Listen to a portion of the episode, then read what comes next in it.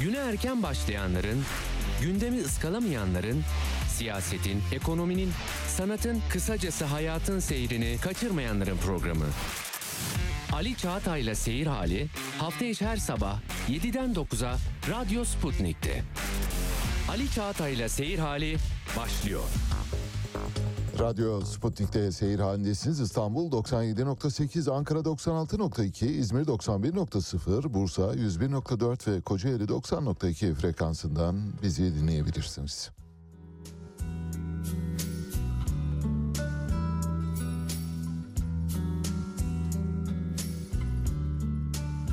If you go away on this summer day, then you might as well take the sun away.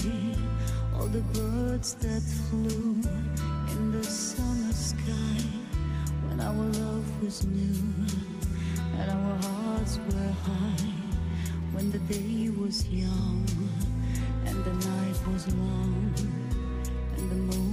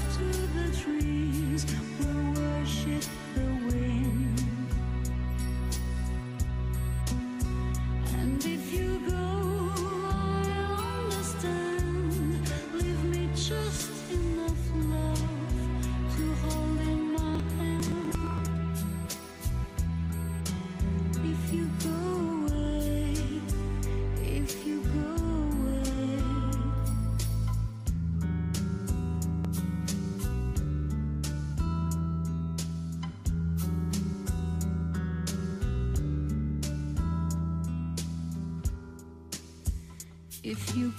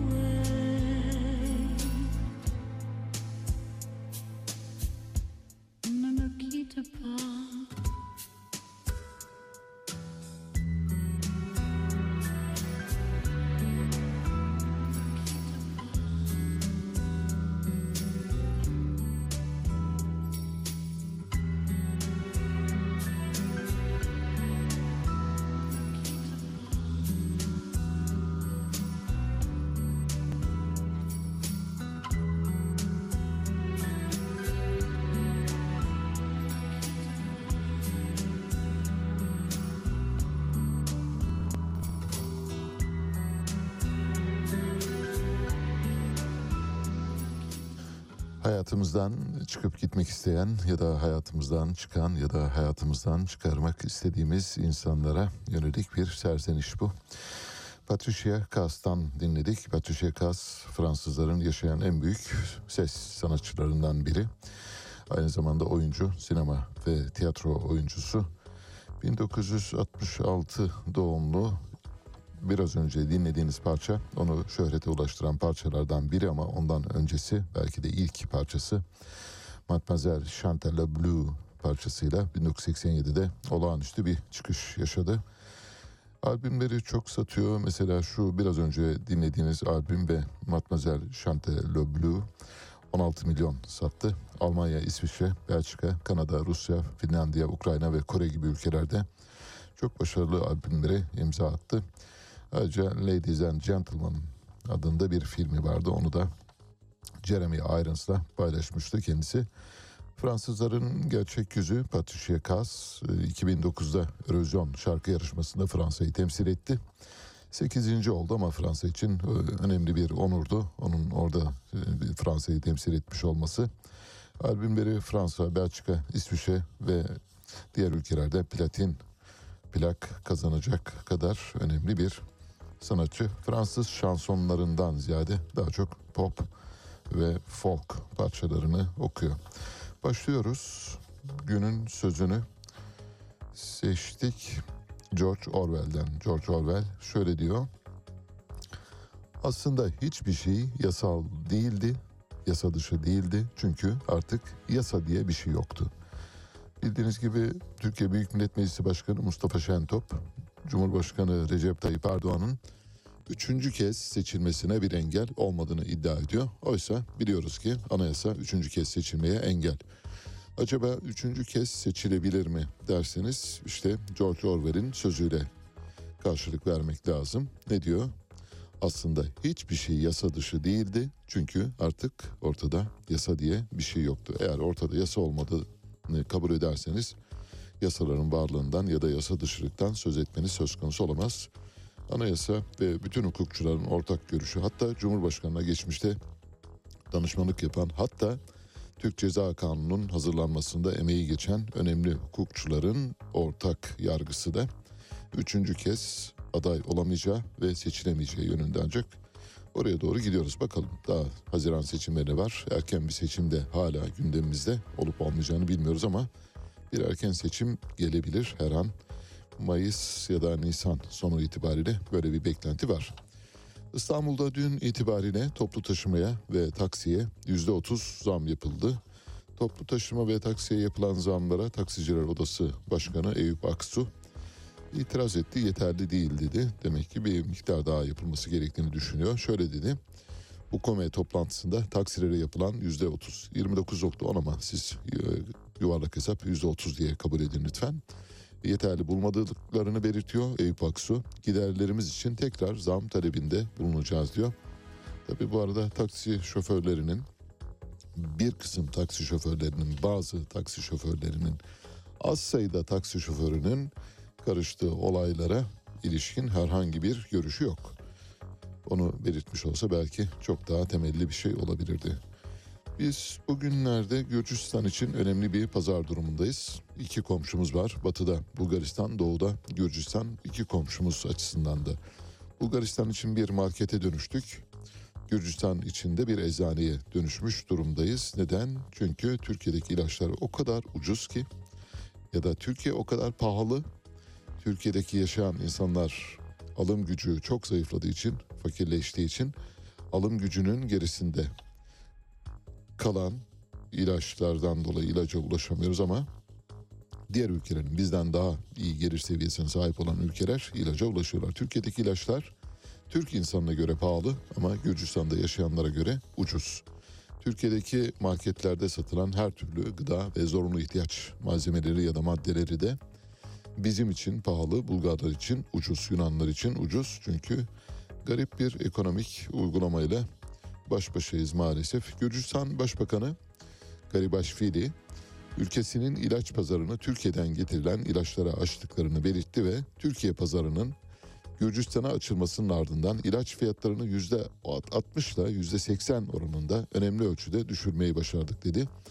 İşte ise Gürcistan'a bir faydamız oldu. Bulgaristan'a bir faydamız oldu. 85 milyonluk ülkenin kendi kendine faydası yok ama komşularına faydası olduğunu kabul edelim.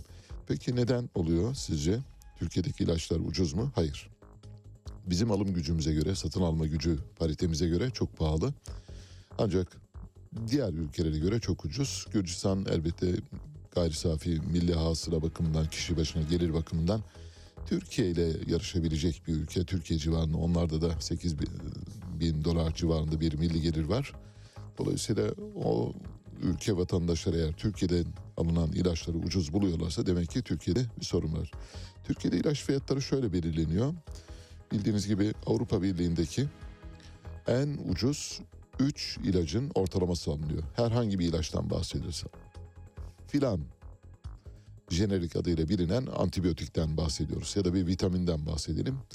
En ucuz satılan 3 ülke baz alınıyor. Bu 3 ülkenin fiyatının aritmetik ortalaması alınıyor. Sonra euro kuruyla çarpılıyor. İşte hikaye burada kendini belli ediyor. Euro kuru o kadar düşük tutuluyor ki ilaç firmaları yurt dışından ithal ettikleri ki ilaç ham maddesinin çok önemli bölümü ithal kalemlere dayalı. İlaç firmaları ithal etmiyorlar ve bu da iç piyasada ilaç kıtlığına yol açtı bir süre önce. Bu, bu birkaç gün önce bildiğiniz gibi euro kurunu yeniden ayarladılar. Euro kuru şu anda 10 lira 75 kuruş civarına geldi. Gerçek euro nedir? Dün, dünkü kurdan söylüyorum. 19 lira 87 kuruş. İlaç piyasasında ilaç firmaları için uygulanan euro kuruyla gerçek kur piyasadaki şu anda cari kur arasında yarı yarıya fark var. Bu yüzden de ilaç firmaları zarar ettiklerinden dolayı ilaçları ithal etmekten kaçınıyorlar. Ancak var olan halen üretilen ve halen iç piyasada bulunan ilaçlar da Gürcistan için çok ucuz olduğundan Gürcistan Türkiye'den ilaç temin ediyor. İlaç pazarını Türkiye sayesinde düzelttik diyor. Kendine faydası olmayan ülkenin komşularına en azından faydası olduğunu söyleyebiliriz. Bulgaristan'ın marketi Gürcistan'ın eczanesi durumuna gelmiş vaziyetteyiz. Tüm Eczacı İşverenler Sendikası Genel Başkanı SGK'nın 585 kalem ilacın stoklarda mevcut olmadığını, 522 kalem ilacınsa eczanelere sınırlı sayıda gönderildiğini açıkladı. Biraz önce sözünü ettiğimiz euro kurundaki yanlış, eksik ve anormal hesaplama dolayısıyla euro 19 lira 87 kuruşa çıkmışken siz 10 lira 75 kuruştan eğer ilaç firmalarına fiyat verirseniz ilaç firmaları da o ilaçları ithal etmezler. Çünkü zarar etmeyi kimse göze alamaz. Bu durumda piyasada 522 ilacın bulunmadığını biliyoruz. Kanser ilaçları, şeker ilaçları, tansiyon ilaçları gibi ilaçların zaten büyük bir çapta darlık çekildiğini biliyoruz. O ilaçlarda diğer ilaçların da kuyruğa gireceğini biliyoruz. Bu durumda yapılması gereken tek şey var. Tek çözüm yolu var. O çözüm yolu şu. Euro kurunu gerçek kurdan hesaplamak. Eğer sizin ülkenizde euro 19.87'ye çıkmışsa ilaç firmalarına da en azından ona çok yakın bir barem ilan ederek örneğin 15 liradan 1 euro eşittir 15 TL diye verebilirseniz belki zararlarını telafi edebilirler. Aksi halde kimse zararına iş yapmaz, kimse babasının hayrına iş yapmaz. Hele özel sektör asla yapmaz. Bu durumda yapılması gereken tek şey var. Devletin el atıp o zararı tazmin ederek vatandaşlarına ucuz ilaç temin etmesi yani aradaki farkı devletin karşılaması. Aksi halde Türkiye çok ciddi biçimde ilaç darlığına doğru gidiyor yeniden. Yani bu son kur ayarlamasıyla birlikte bir hafif göreli rahatlama oldu. Şimdi yeniden aynı sıkıntı başlıyor. Türkiye bu arada bir bazı ülkelerin ikinci el elektronik malzeme çöplüğüne dönüşüyor. Dün resmi gazetede yayımlanan bir kararla atık elektrikli ve elektronik eşyaların yönetimi hakkındaki yönetmelik ile elektronik eşyalar yurt dışından ithal edilebilecek.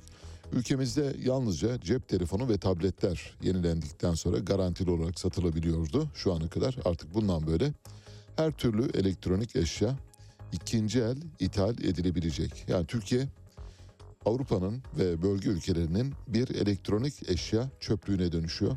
Neden olduğunu söyleyeceğim.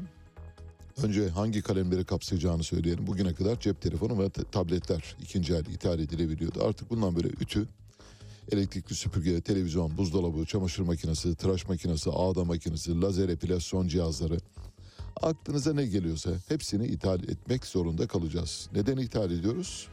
Çünkü içerideki fiyatlar o kadar pahalı ki dışarıdaki fiyatlarla yarışamıyor. Ve şunu buldu çözüm olarak bu bir zihni sinir projesi. Ali Cengiz Cinali bir Cinali fikri yeniden muhtemelen konuşurken şöyle bir şey düşünüldü.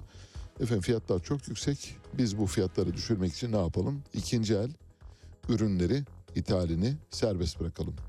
Böylece iç piyasayı dengelemiş oluruz. Asla böyle bir şey olmayacak. Göreceksiniz Türkiye bir ikinci el elektronik eşya çöplüğüne dönecek ve siz de yaptığınızda kalacaksınız. Bu cin fikirlerle ülkenin yönetilme sürecinin biz geride kaldığını düşünüyorduk. Mesela Berat Albayrak döneminde geride kaldığını düşünüyorduk. Hala Cin Ali görevde demek ki maalesef Türkiye'yi bir elektronik eşya çöplüğüne dönüştürme konusunda fiyatları dengeleyebiliriz diye birisi söylemiş. Kim söylemiş bilmiyoruz ama Cumhurbaşkanı da buna inanmış muhtemelen. Peki o zaman ithal edin diye. Şimdi göreceksiniz Türkiye'ye gelen bu ürünlerin Türkiye'de bir süre sonra nasıl bir çöplüğe dönüştüğünü ya da çöplük yarattığını göreceğiz. Mesela Yunanistan'a, Bulgaristan'a, Slovakya'ya, Macaristan'a, Polonya'ya bildiğiniz gibi iPhone gezileri düzenleniyor. iPhone e, Pro Max 14 Pro Max şu anda Türkiye'de 58 bin lira civarındaydı. En son fiyatı biliyorum. Şu andaki fiyatı bilmiyorum. Bir bakabilirsen onu Doruk. En son fiyatını öğrenmiş olalım. Çünkü kurda çok değişiklikler oldu. 58 bin lira. Eğer siz Türkiye'de 58 bin lira verip alamıyorsanız ki alamıyorsunuz bu durumda ne yapıyorsunuz? Bir bu işin ticaretini yapan tur acentaları var. Tur acentalarına başvuruyorsunuz size Slovakya'ya bir gezi düzenliyor ya da Bulgaristan'a bir gezi düzenliyor. Gidiyorsunuz iki gün otelde kalıyorsunuz, yiyorsunuz, içiyorsunuz. 59 milyon, milyon 59 bin TL'ye çıkmış bu arada. Arada sadece bin lira var. Dolayısıyla çok fazla artmamış. Şu anda iPhone Pro Max 14 59 bin TL. Gidiyorsunuz otelde iki gün kalıyorsunuz, konaklıyorsunuz, yiyorsunuz, içiyorsunuz, geziyorsunuz. Yediğiniz önünüzde, yemeniz arkanızda bırakıyorsunuz ve oradan da bir iPhone alıp geliyorsunuz. Yine kardasınız. Yani bütün buna rağmen kardasınız. Mesela Türk dünyanın en pahalı ülkelerinden İsviçre'de daha dün konuştuğum bir İsviçre'de yaşayan bir Türk vatandaşı Türkiye'den alınan iPhone'la buradan alınan iPhone arasında net 15.000 TL fark var dedi. Yani İsviçre dünyanın en pahalı ülkelerinden İsviçre'de bile iPhone alsanız şeyleri geçtim. Yani Bulgaristan'ı, Slovakya'yı, Macaristan'ı, Polonya'yı geçtim. Oralar zaten ucuz oralardan alabiliyorsunuz. İsviçre'den bile İsviçre'de tatil yapmak isteyen varsa tabii orada otel parası böyle kafa kafaya gelebilir. Onu söyleyelim çünkü orada oteller de pahalı. Gidiyorsunuz alıyorsunuz cep telefonunuzu cebinize koyuyorsunuz ve 15 bin TL'de karınız oluyor. İşte Türkiye'nin içine düşürüldüğü ortam bu maalesef. Bir elektronik çöplük ve komşularına muhtaç bir ülke. Komşuları için market, komşuları için eczane haline gelmiş bir ülkeden bahsediyoruz. Peki bir küçük sorunumuz var. Bu küçük sorunun adı bildiğiniz gibi Tarım ve Orman Bakanlığı evcil hayvanlara çip takılması koşulunu getirdi. Evcil hayvanlara normal şartlarda 1 Ocak itibariyle çip takılması gerekiyor. Dolayısıyla önümüzde 3-4 gün var. Bu 3-4 gün zarfında çip taktırmayanlar hayvanlarını yasa dışı hale getirmek zorunda kalacaklar. Yani kaçak hayvan e, beslemekten e, ceza evine bile girebilirler. Buna karşı Tarım Bakanı Vahit Kirişçi çip uygulamasının uzatılabileceğini söyledi. Şimdi çip uygulamasının uzatılabileceğini söyleyince aklınıza ne geliyor? Ne güzel Tarım Bakanımız var diyorsunuz değil mi? Bak gördünüz mü vatandaşların çip konusunda hazırlıkları olmadığını gördü. Hayvanlarına çip taktıramayan insanlar var. Hayvanlarını sokağa bırakmak istemedikleri için onlara bir şefkat eli uzandı diye düşünüyorsunuz değil mi? Öyle değil. Neden? Çünkü memlekette çip yok çip. Ya. Çip yok. Çip olmadığı için hayvanlara takılacak çipi bulamayan ülke ne yapıyor? Çiple ilgili düzenlemeyi uzatıyor. Bunu da nasıl düşünüyorsunuz? Hayvanlar evet vatandaşların sesini dinledi. O yüzden böyle bir şey yok. Her şeyin bir sebebi var. Birazdan biraz önce bahsettiğimiz bütün hikayeyi deminden beri konuşuyoruz işte. Gürcistan için eczane haline gelmişiz. Bulgaristan için market haline gelmişiz. Avrupa'nın en pahalı ülkesinden bile cep telefonu alsanız yine 15 bin TL kardasınız. Ülkenin şu anda elle tutulacak yanı yok. Elle tutulacak yanı olmadığı için de hayvanlara takılacak çip sorununu çözemediklerinden çip yok memlekette. O zaman uzatalım diyorlar. Bu yüzden hayvan sahipleri şimdilik rahat olsunlar. Peki çip meselesi demişken sizi böyle biraz hafif uzak doğuya doğru götüreceğiz.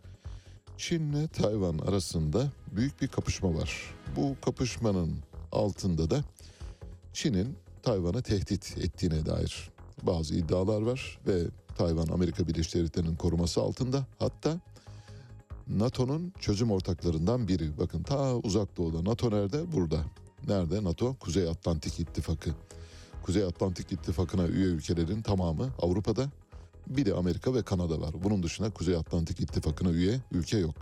Ama ta gidiyorsunuz Çin'in burnunun dibindeki Tayvan'ı çözüm ortağı olarak ilan ediyorsunuz. Elbette Çin buna seyirci kalamaz. Bu yüzden de Çin arada bir Tayvan'ı rahatsız etti, ediyor.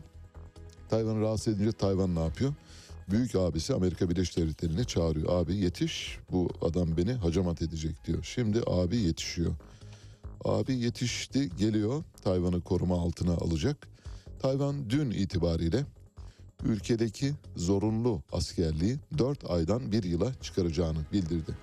Şimdi Tayvan küçücük bir ülke. Çay kaşığı kadar bir ülke. Nüfus bakımından da öyle. Askeri gücü de öyle. Asla Çin'le kapışamaz. Ancak NATO biz seni koruruz merak etme ama sen de bazı önlemler al dediği için şimdi Tayvan hükümeti silahlanma ve askeri harcamalara ayırdığı parayı artırıyor. Artırmak zorunda kalıyor. Eğer askeri siz 4 aydan 1 yıla çıkarırsanız 2,5 kat savunma harcamasını artıracaksınız net.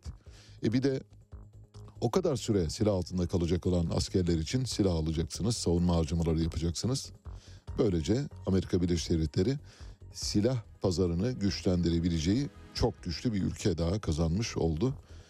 Tayvan biraz önce sözünü ettik, çip meselesine geldik. Tayvan o kadar güçlü bir ülke ki mesela dünyadaki çip pazarının ne kadarı sizce Tayvan'ın elindedir diye tahmin ediyorsunuz. Bir tahmin yapmanızı rica ediyorum. Ben e, sonucu açıklayacağım birazdan.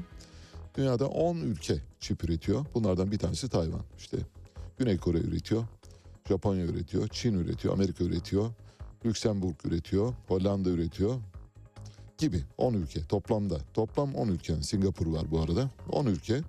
Bu 10 ülkeden bir tanesi Tayvan. Çip üretiminde. Türkiye çip üretiminde söz konusu olan ülkelerden biri değil. Türkiye'nin çip üretimine çoktan başlaması gerekiyordu.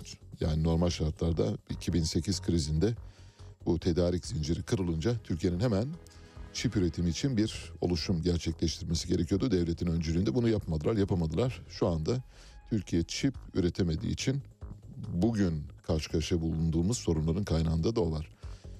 Tayvan dünyadaki her 100 çipin dikkatinizi çekerim 37'sini üretiyor. Nasıl?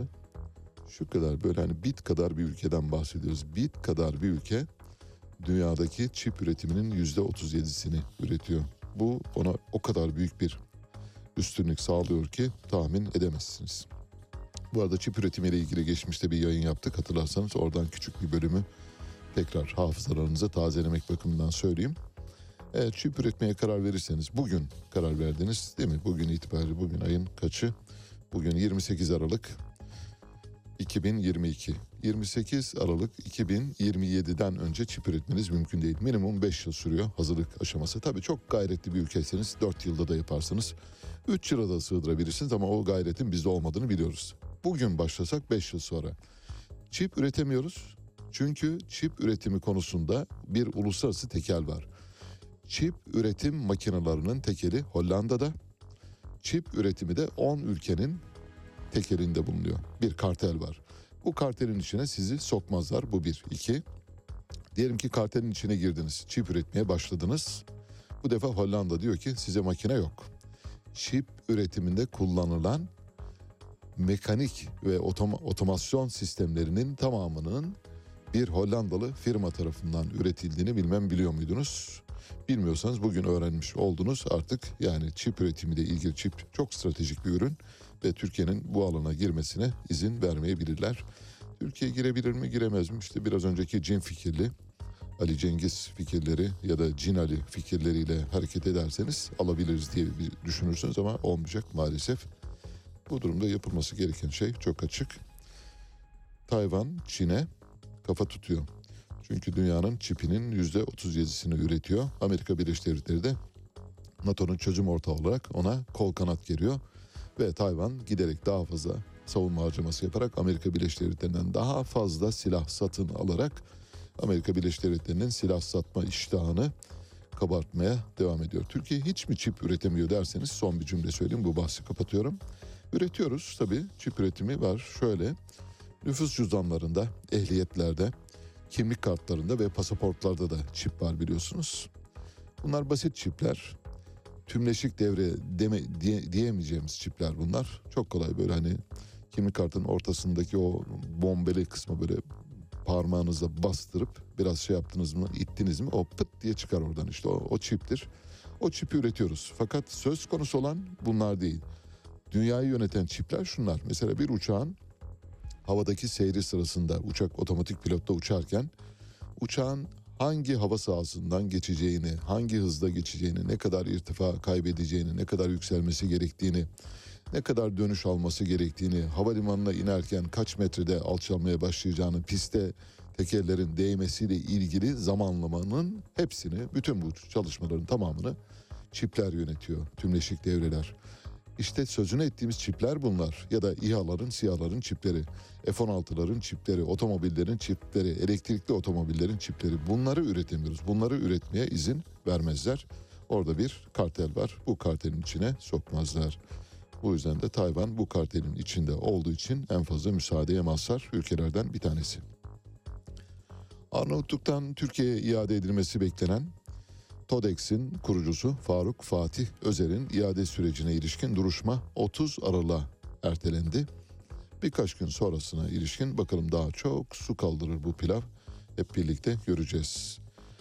Cumhuriyet Halk Partisi Zonguldak Milletvekili Deniz Yavuz Yılmaz. Deniz Yavuz Yılmaz bu meselenin takipçisi olmaya başladı. Mesele şu.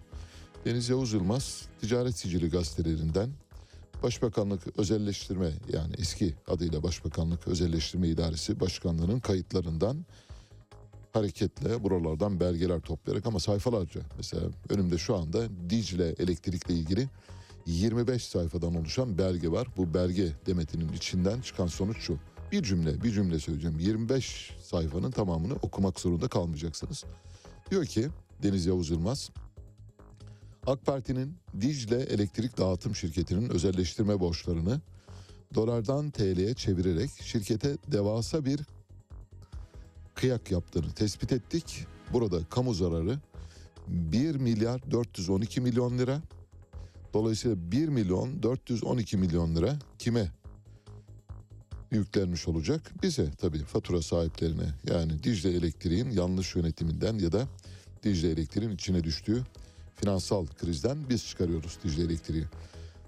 Elektrik dağıtım şirketleriyle ilgili borçlarının dolardan TL'ye çevrilmesi işi bütün elektrik dağıtım Türkiye'de bildiğim kadarıyla 13 elektrik dağıtım bölgesi var. Hepsi için tek tek yapılıyor. En son Dicle Elektriği de bu ayrıcalık tanınmış oldu. Böylece vatandaşın sırtından elektrik dağıtım şirketleri para kazanmayı sürdürecekler.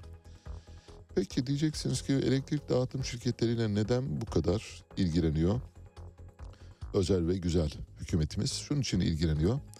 Türkiye'de elektrik dağıtımının yüzde yüzü, elektrik üretiminin de yüzde sekseni özel sektörün elinde. Bunu bir kenara yazın bir defa koyduk bir tarafa. Peki elektrik dağıtımının yüzde yüzü, elektrik üretiminin yüzde sekseninin özel sektörde olduğu bir ülkede devletin herhangi bir rol üstlenmesi söz konusu mu? Hayır.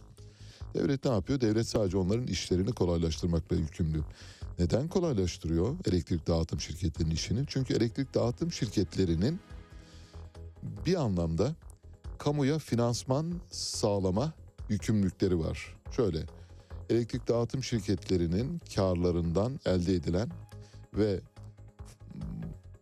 sosyal yardımlaşma ve dayanışma fonlarına kaynak teşkil eden bazı kalemleri var, fasıllar var. O fasıllardan dolayı elektrik dağıtım şirketlerinin üzerinde duruluyor. İşte bu vatandaşların evlerine giden kumanyalar, vatandaşların evlerine giden kömürler, yakacak yardımları şunlar bunlar elektrik dağıtım şirketleri üzerinden sağlanıyor.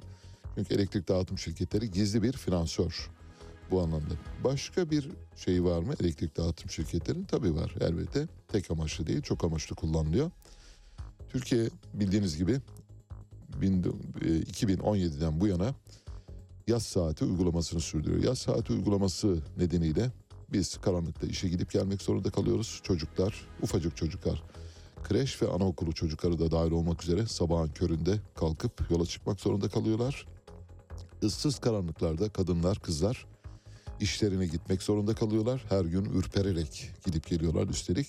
İşte bu elektrik dağıtım şirketlerine sağlanan elektrik dağıtım şirketlerinin hani şöyle el eli yıkar, elde döner, yüzü yıkar. Elektrik dağıtım şirketleri sosyal yardımlaşma ve dayanışmayı teşvik fonlarına para aktarırken hükümeti gizli ölçüde ya da arka kapıdan finanse ederken elektrik dağıtım şirketleri de ön kapıdan hükümet tarafından finanse ediliyor.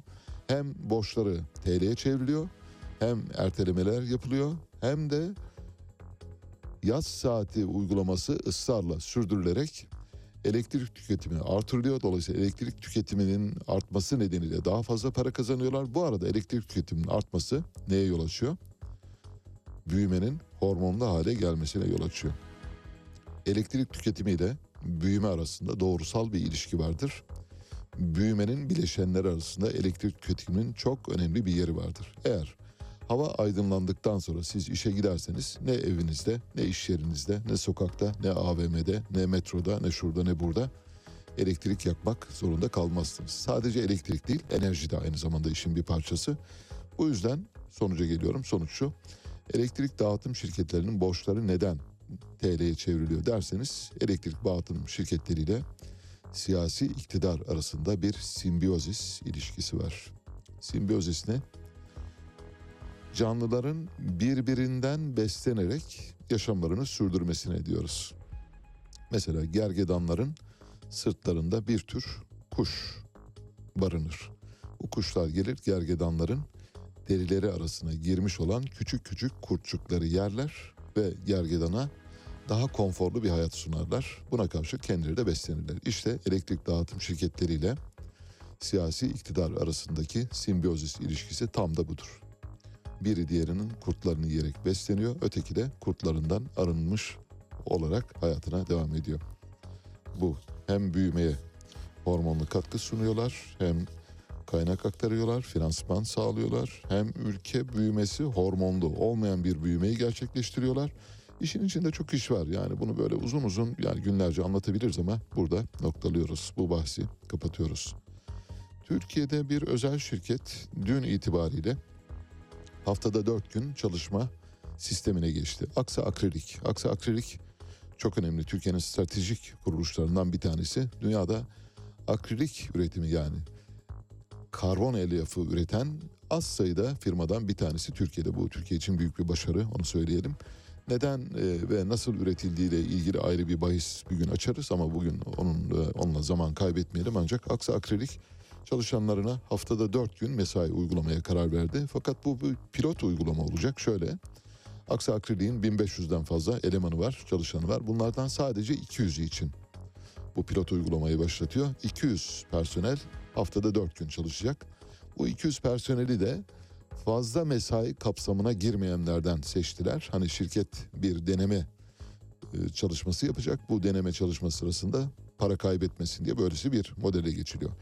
Haftada 4 gün çalışma tabii sanayi devrimiyle birlikte başlayan ve insanların daha konforlu yaşamalarını temin eden süreçlerin son halkası pandemiyle birlikte bildiğiniz gibi uzaktan çalışma, esnek zamanlı çalışma, yarı zamanlı çalışma gibi çalışma modelleri gelişti. Şimdi haftada 4 gün çalışma modeli de bunun bir sonucu. Haftada 4 gün çalışma modelini Amerika'da bazı şirketler uyguluyor. İngiltere bu işin öncülüğünü yapıyor söyleyelim. Nordik ülkelerinin hemen hemen e, pek çoğunda pek çok şirket tarafından haftada 4 gün çalışma uygulanıyor. Türkiye'de bunu pilot olarak deneyimleyecek. Eğer bu pilot uygulamadan sonuç alırsak ondan sonra diğer şirketlere de yaygınlaşacak diye düşünüyoruz. Aksi Akrilik bu çalışmayı 31 Mart 2023'e kadar sürdürecek. Verimli olduğu kanaatine varırsa artık orada 4 günlük mesai başlayacak. Kalan 3 günü tatil yapacaklar. Biz e, işin evet buraya doğru gideceğini yani dünyada çünkü insanların çalışmaktan yorulduğunu daha fazla dinlenmek istediklerini biliyoruz. Bu da onun bir sonucu. Tabii sanayi devriminden önce insanlar haftanın 7 günü çalışıyorlardı. Hatta ondan önce kölelik sisteminin geçerli olduğu Orta Çağ Avrupa'sında 7 bölü 24. Yani köleler 7 bölü 24. Duraksız bir şekilde ölünceye kadar, çatlayıncaya kadar yani yerlerde sürününceye kadar çalışa, çalışmak zorundaydılar. Elbette köleliğin kaldırılması, sonra sanayi devrimiyle birlikte işçi sınıfının ortaya çıkması gibi bazı unsurlar, bazı faktöriyeller dolayısıyla haftalık çalışma giderek azaldı. Önce haftada 6 güne indi. Sonra haftada 5 güne indi. Şimdi haftada 4 güne iniyor. Dünya modernleşiyor mu? Herhalde. Dünya daha yaşanabilir bir yer haline geliyor diye düşünüyoruz. Gelecek umarız. Anayasa Mahkemesi Cumhurbaşkanı Erdoğan'a genel bütçe kapsamındaki kamu idareleriyle özel bütçeli idarelere ödenek ekleme yetkisi veren maddeyi iptal etti. Ben bu kararı okuyunca dedim ki vallahi bravo. Yani bir an için böyle 10 saniye 10 saniye kadar dedim ki evet aferin Anayasa Mahkemesi'ne. Fakat sonra hemen aklıma şu geldi. Peki dedim bunu yapan Anayasa Mahkemesi yani Cumhurbaşkanı'na genel bütçe kapsamındaki idarelere ek ödenek verilmesini yasaklayan Anayasa Mahkemesi, o büyük yüce Anayasa Mahkemesi bilmiyor mu acaba Cumhurbaşkanı'nın devasa bir şirketler bütününü tek başına kimseye hesap vermeden yönettiğini bilmiyorlar mı? Biliyorlar. Hangisi bu? Varlık fonu. Altında BOTAŞ'tan Türk Hava Yolları'na kadar bir sürü şirketin olduğu varlık fonu. Varlık fonu hiçbir denetime tabi değil. Varlık fonu üzerinde tek bir denetim yetkisi kullanılmıyor. Varlık fonu Anayasa Mahkemesi'nin de ilgi alanının dışında, Sayıştay'ın da e, görev alanının dışında ve bu arada elbette muhalefetin de görev alanının dışında. Çünkü muhalefet de bugüne kadar çoktan dünyayı başına indirmiş olması lazımdı varlık fonu sebebiyle. Yani bütün yargı sisteminin başına indirmiş olması lazımdı. Bunu yapmadılar. Şimdi e, Anayasa Mahkemesi böyle hani işte onu yapamıyorum bari bunu yapayım. Cumhurbaşkanına bu konuda yetki kullanma izni vermiyorum diyor. Onları bizim külahımıza anlatın. Varlık fonuna eğer ilişkin bir şey yaparsanız ki Anayasa Mahkemesi yapabilir. Anayasa Mahkemesi'nin resen bu gibi konularda harekete geçebilme imkanı var. Onu belirtmiş olalım. Dün şöyle bir troll fırtınası esti. Bildiğiniz gibi Türkiye Karadeniz'deki Çaycuma 1 doğalgaz sahasından 58 milyar metreküp yeni doğalgaz rezervine ulaştı. Böylece 710 e, milyar metreküplük bir doğalgaz rezervimiz oldu. Bunu da Cumhurbaşkanı harfi harfine söylemek gerekirse 1 trilyon dolarlık bir kazanım dedi. Tabii 1 trilyon dolar lafını duyunca herkes 1 trilyon doları şurada çantada cash olarak bekliyor. Öyle bir şey yok. Bu petrol, bu doğalgaz çıkarılmaya başlandıktan sonra rezervler bitinceye kadar olan süreç içindeki 1 trilyondan bahsediyorum. Rezervler ne zaman biter? 50 yıl sonra. İşte 50 yıl içinde 1 trilyon dolardan bahsediyoruz. Ancak bu 1 trilyon doları havuz medyası ya da yatık medya şöyle verdi. İşte Türkiye ekonomisine 1 trilyon dolarlık kaynak diye hazır çantada cash bekliyor burada. Aldık yanımıza koyduk. Bekliyor. Öyle bir şey yok. Rezervler bitinceye kadar elde edeceğimiz paradan bahsediyor. Kaldı ki orada küçük bir kuşku payı da var. Bu rezervlerin ne kadarının kullanılabilir rezerv olduğunu bilmiyoruz. Kimse bilmiyor. Cumhurbaşkanı da bilmiyor, petrol mühendisleri de bilmiyor, doğalgaz e, jeologları da bilmiyor, kimse bilmiyor. Hatta ve hatta dahasını söyleyeyim. Örneğin Rusya şu anda dünyanın en büyük doğalgaz rezervine sahip ülkesi değil mi? Rusya bile kendi ülkesindeki rezervlerin ne kadarının kullanılabilir olduğu konusunda bir hesaplama yapacak durumda değil. Onun bile böyle bir hesap yapma durumu yok. Bu durumda bizim bu 1 trilyon dolarımızda vallahi 1 trilyon dedik ama 300 milyar dolarmış diyebilirler. Ne zaman? 20 yıl sonra mesela o kadarmış. Yanlış hesaplamışız diyebilirler. Mesele bu değil. Mesele şu. Bu haberi tartışırken yani doğalgaz rezervini tartışırken üzerinde durmamız gereken dün bir troll fırtınası esti. 58 milyar metreküp e, doğalgaz bulununca herkes Berat Albayrak'ı yeniden hatırladı. Twitter'da Berat Albayrak fanları fırtına estirdiler. Mesela birkaçını okuyacağım size. İsimlerini vermeyeceğim kusura bakmayın. Yani cevap hakkı doğmaması bakımından. Şöyle diyor biri. Bugün Karadeniz Çaycuma 1'de doğalgaz keşfi yapan Fatih sondaj gemisinin Berat Albayrak'ın Enerji Bakanlığı döneminde alınmıştı. Cümle bozuk ama idare edin artık işte o kadar yazıyorlar. Yani ekleri yerinde kullanılmamış. Milli ve yerli enerji, milli ve yerli ekonominin ilk adımlarıydı. 2023 hedefleri için Berat Albayrak'ın siyasete dönmesi şart. Çağırıyorlar Berat Albayrak dönsün aramıza. Bir başkası şöyle yazıyor. Her şey Berat Albayrak'ın o sözleriyle başladı. Uzman isimden çarpıcı değerlendirme. Aslan payı o filonun kurulmasıdır diyor. Uzman kim? Belli değil. Birisi söylemiş. Berat Albayrak. Bu işin mimarı. Bir başkası şöyle diyor. Aldığımız müjdenin mimarlarından Berat Albayrak'tan Allah bin kere razı olsun. Onun sayesinde artık yerli doğalgazımıza kavuşacağız. Siz sadece boş konuşuyorsunuz diyor. Bu da bir başkası. Bir tane daha var. Çok vardı bir 4-5'ini okuyorum sadece 4'ünü okuyorum.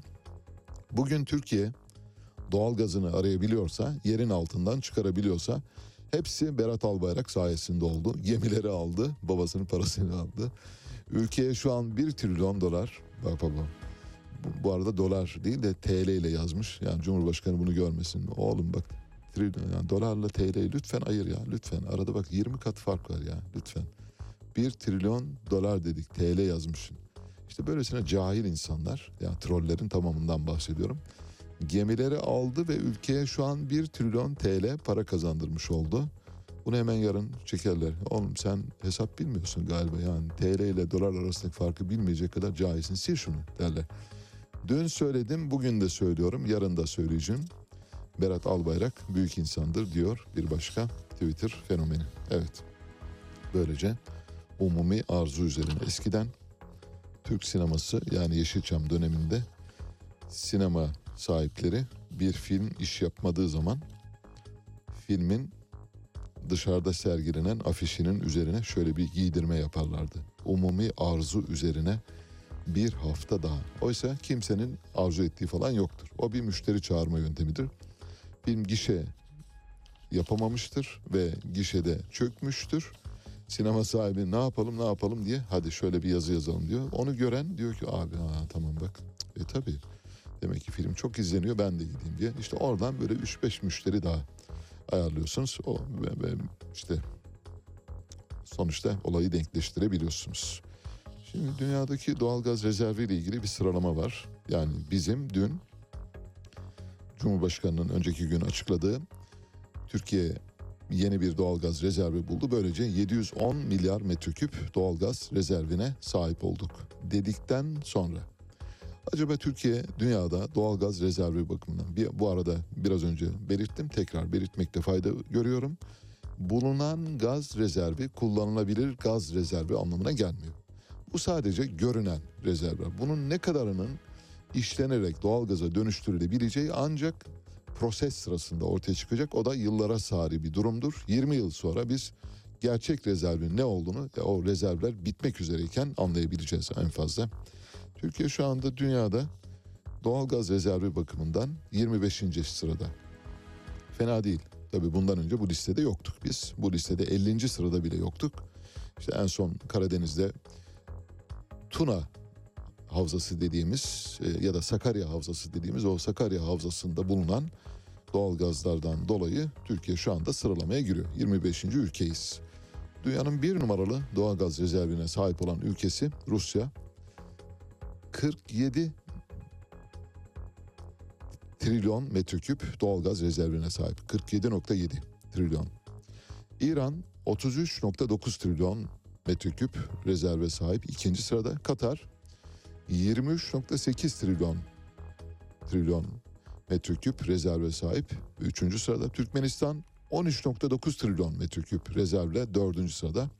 Ve Amerika Birleşik Devletleri bütün hikaye bunun üzerine kurulu zaten 12.2 milyar e, trilyon metreküple 5. sırada. Amerika Birleşik Devletleri 2020 yılının başından itibaren hem doğalgazda hem de petrolde net ihracatçı konumuna geldi. Çünkü kaya gazı yani e, çatlatma yöntemiyle petrol ve doğalgaz elde etmeye başladığından bu yana güçlü bir petrol ve doğalgaz üreticisi durumuna geldi. Diğer ülkeleri de şöyle sayalım isterseniz dünyadaki yani bir numara Rusya, iki İran, üç Katar, dört Türkmenistan, beş Amerika, beş numaralı doğalgaz rezervi sahibi ülke Suudi Arabistan, altı numara Birleşik Arap Emirlikleri, yedi Nijerya, sekiz e, affedersiniz 9 Venezuela, 10 Cezayir, 11 Irak, 12 Çin, 13 Kanada, 25 Türkiye. Kuzey Makedonya'nın Vasilevo kentinde Türkçe ikinci resmi dil olarak kabul edildi. Güzel bir haber. Hem orada yaşayan e, Türkçe konuşan soydaşlarımız bakımından hem Makedonya yönetimi bakımından Makedonya'da insanların birbirleriyle kardeşçe yaşama düsturuna verdikleri destek dolayısıyla Makedonya hükümetini ve yönetimini de kutluyoruz. Ülkelerin yani içinde yaşayan insanların ana dilleriyle konuşmaları bir haktır. Bu hakka herkesin riayet etmesi gerekiyor. Türkiye bu konuda demokratik bir ülke görünümü sergilemiyor maalesef. İki yıldır atama bekleyen bir öğretmen vardı. Hasan Cihan Aslan. Fotoğrafı da var. E, Doruk paylaşacak. Dün gece intihar etti. 26 yaşındaydı Hasan Cihan Aslan. İzmir'de motokurye olarak çalışıyordu. Öğretmen adayı. Atama bekliyor. İki yıldır girmiş, sınavı kazanmış, atanacak. Bu kadar basit. Atamıyorsunuz. Kurye olarak çalıştırıyorsunuz ve, ve bir gencin hayatını sonlandırmasına neden oluyorsunuz. İşte bu acılar, bu veballer sizin üzerinizde durur. Kimden bahsediyorum? Vallahi Milli Eğitim Bakanı'ndan bahsediyorum. Yani işi daha yukarıya doğru götürmek istemiyorum ama bu çocuğun vebali, bu çocuğun günahı sizin boynunuzda maalesef. Peki ufak ufak böyle yumuşak haberler de verelim. Ondan sonra saat 5 habere gideceğiz. Bildiğiniz gibi voleybol kadın milli takımımızın antrenörü değişti. Giovanni Guidetti gitti. Giovanni Guidetti son maçlarda çok iyi başarılı sonuçlar alamayınca Voleybol Federasyonu gönderdi kendisini. Ve voleybol milli takımımızın baş antrenörlüğüne Daniele Santrelli getirildi. Tabii Twitter ortamında, sosyal medya ortamında Santrelli ile ilgili böyle çok garip garip şeyler işte isminden yola çıkarak garip espriler yapıldı. Bu ne biçim soyadı kardeşim makarna gibi yani İtalyan makarnası mı gibi şeyler yazıldı. Bunlar tabii çok ayıp şeyler. Böyle isimlerden ya da ses benzeşmelerinden yola çıkarak yapılan esprileri bayat, yersiz ve anlamsız bulduğumuzu belirtmiş olalım. Daniele Santarelli büyük ve güçlü bir kariyere sahip söylemiş olalım. Kendisi İtalya'daki çok önemli voleybol kulüplerinin antrenörlüğünü yaptı. 2012'den bu yana yardımcı antrenör olarak başladı. Baş antrenörlüğe kadar geldi. Ve antrenörlüğü sırasındaki elde ettiği başarılardan birkaçını sayacağım Santarelli'nin. Bir tane Şampiyonlar Ligi şampiyonluğu var. İki adet kulüpler dünya şampiyonluğu var çalıştırdığı kulüplerde. 6 adet İtalya Ligi şampiyonluğu var. İtalya'da çalıştırdığı takımları 6 kez şampiyon yapmış. 4 İtalya Kupası şampiyonluğu var. 6 adet İtalya Süper Kupası şampiyonluğu var. En son bildiğiniz gibi Sırbistan milli takımını çalıştırıyordu. Ondan önce de Hırvatistan milli takımını çalıştırıyordu.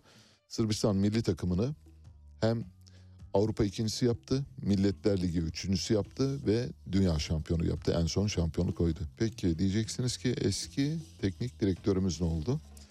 Vallahi takas yaptık. Sırbistan'da bizim eski teknik direktörü aldı.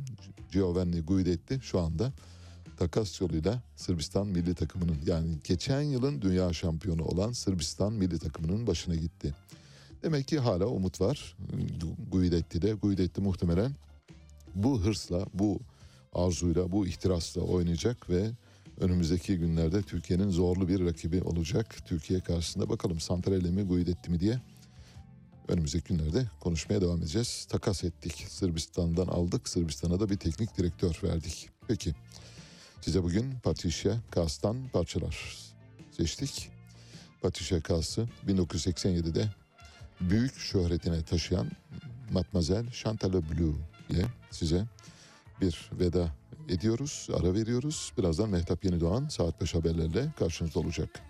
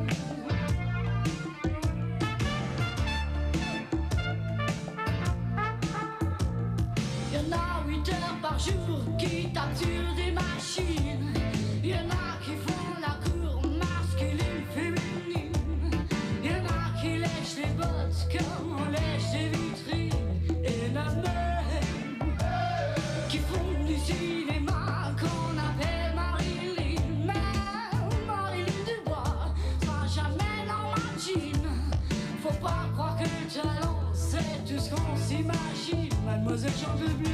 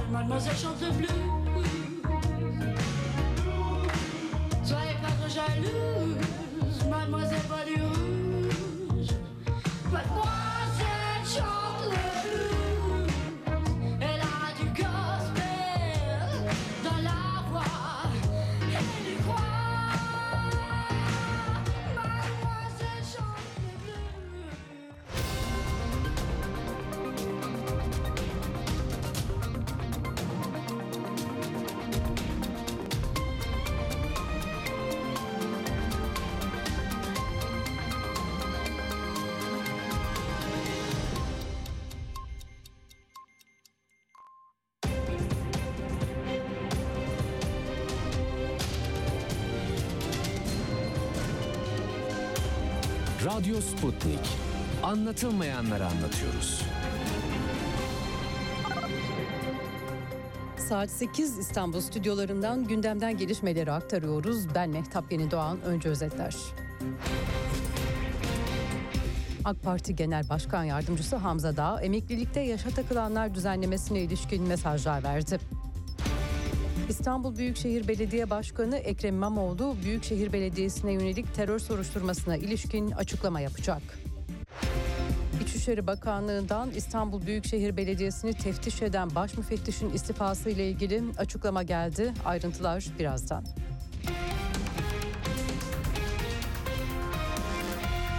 Bülten çalışma hayatına ilişkin haberlerle başlıyor. Asgari ücretin 8500 lira olarak açıklanmasının ardından konuşan Çalışma ve Sosyal Güvenlik Bakanı Vedat Bilgin, asgari ücret görüşmeleri sırasında işçi sendikaları başkanlarının kendisine 8 bin liranın çok üzerine çıkmayın dediğini iddia etmişti. Konuyla ilgili Habertürk'te Fatih Altaylı'nın sorularını yanıtlayan Türk İş Başkanı Ergün Atalay, Bilgin'in sözleri hakkında ben bu 8 bin lira meselesini kimin konuştuğunu bilmiyorum dedi. Ben oynamağı da bilmem. Olanı söylerim, söylediğimi de yerine getiririm. Şimdi burada işte Sayın Bakan'ı o akşam dinledim. Ertesi gün, iki gün sonra da gene bir canlı yayında bir daha dinledim. Şimdi ne benim ne arkadaşlarımın 8 bin üstünde böyle bir rakam ne böyle bir muhabbet oldu ne öyle bir telaffuz oldu. Ben bunların hepsini konuşurken 20 günde iki kere başkanlar kurulu topladım. Komisyonu 6 kere topladım. Yönetimle her gün beraber olduk. 8 binle ilgili böyle bir ne muhabbetimiz oldu ne bir rakam oldu. Ve çalışma hayatına ilişkin bir diğer konu emeklilikte yaşa takılanlar konusu da gündemdeki yerini koruyor. İlgili düzenlemede yaş kriteri olup olmayacağı merak ediliyor. AK Parti'den bu konuda yeni bir açıklama geldi. CNN Türk'te konuşan AK Parti Genel Başkan Yardımcısı da çok ince ayrıntısına kadar çalışılması gereken bir konu. Milletimizin maksimum memnuniyetini oluşturacak bir çalışma olacak dedi. EYT konusu gerçekten en ince ayrıntısına kadar çalışılması gereken ve hiç kimsenin bir mevzuat düzenlemesi yapıldığında ya ben burada dışarıda kaldım demeyeceği bir çalışma. Bakanlık yani o konuda da bütün ayrıntısına kadar bir çalışma yoluna gidiyor. Milletimizin maksimum memnuniyetini oluşturacak bir çalışma ortaya konulacak. Yaş kriteri konusunda henüz şu oldu veya bu oldu diyebilecek bir durumda değilim. E, İstanbul'dan haberlerle devam edeceğiz. İçişleri Bakanlığı'nın İstanbul Büyükşehir Belediyesi'ne yönelik yürüttüğü terör soruşturmasının yankıları sürüyor.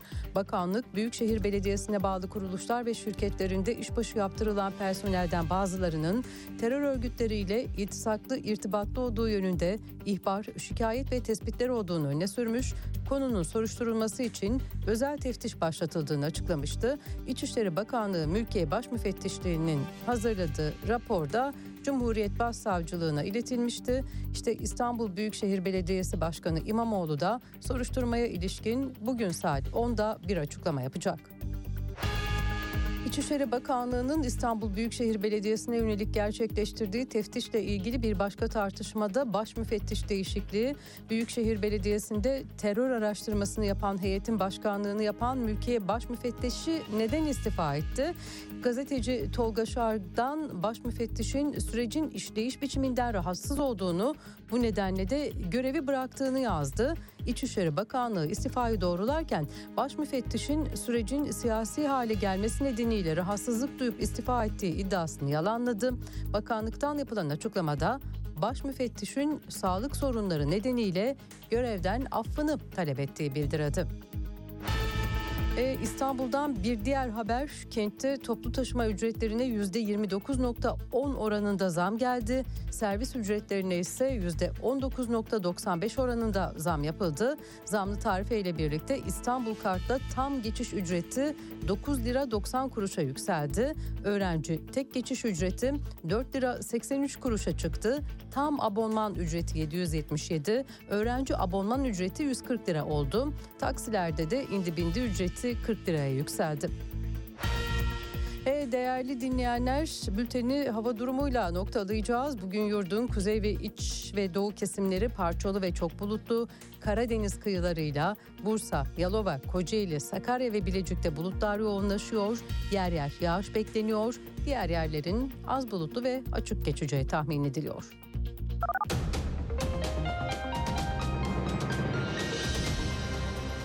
Haberleri sunduk. Gelişmelerle tekrar birlikte olacağız. Hoşçakalın.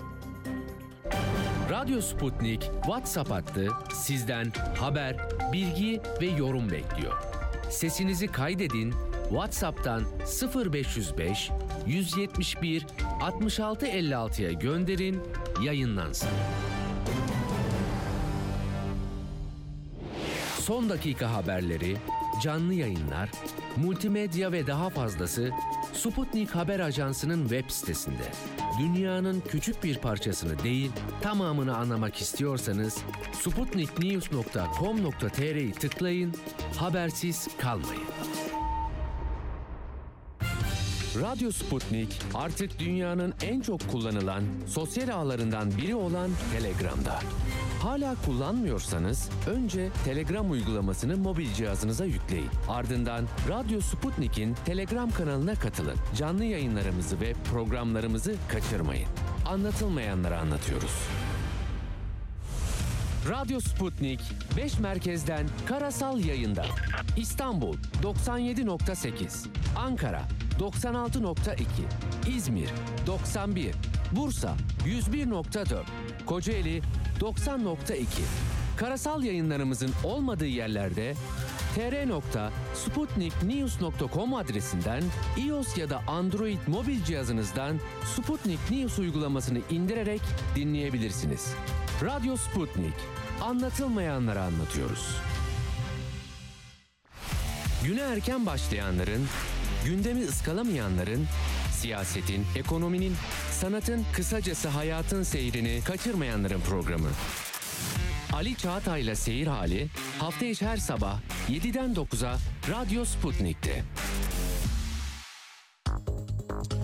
Yeniden birlikteyiz. Cumhurbaşkanı Erdoğan kimyevi gübrede %13, karma yemde de %5'e varan oranda indirim yapacağız. Fiyatlar Nisan sonuna kadar sabit kalacak diyor. Neden? Çünkü çiftçi ekinini ekmek için gübre kullanamıyor, hayvanına yem alamıyor. Bunun bir parça hafifletilmesi bakımından fiyatları Nisan sonuna kadar tutacak. Bu neye yarar? Seçimler öncesinde çiftçiye, üreticiye bir parmak bal çalmaktan ibarettir. Çünkü gelip geçiyor annemler eğer öyle olmuş olsaydı gerçek anlamda Türkiye tarımına, çiftçiliğine, hayvancılığına değer verilerek atılmış bir adım olsaydı bunun yıllar boyunca bu şekilde sürdürülmesi söz konusu olamazdı. Çiftçi geçen yıl Ekim ayında, Ekim ayı bildiğiniz gibi gerçekten de Ekim ayıdır. Ekim ayında ekemedi. İstediği kadar ekemedi. istediği kadar ekemediği için biçemiyor. Biçemediği için hayvanına yem yapamıyor. Hayvanını da besleyemiyor. O yüzden de hayvanları kesmeye gönderiyor. Bu yüzden de süt fiyatları artıyor. Yani hani silsile yoluyla gidersek ve neden süt fiyatları artıyor derseniz işte yem fiyatlarından başlayıp çiftçinin tarlasına gübre atamamasıyla başlayan sürecin işin başı olduğunu söyleyebiliriz. Kulisler hareketlendi. İstanbul Büyükşehir Belediyesi'ni teftiş eden heyetin başındaki müfettiş rahatsız olup görevden ayrılmış. Haber Tolga Şardan'ın haberi. Tolga Şardan güzel bir gazetecilik örneği vermiş. O haberden bir bölümü paylaşacağım size. Şöyle.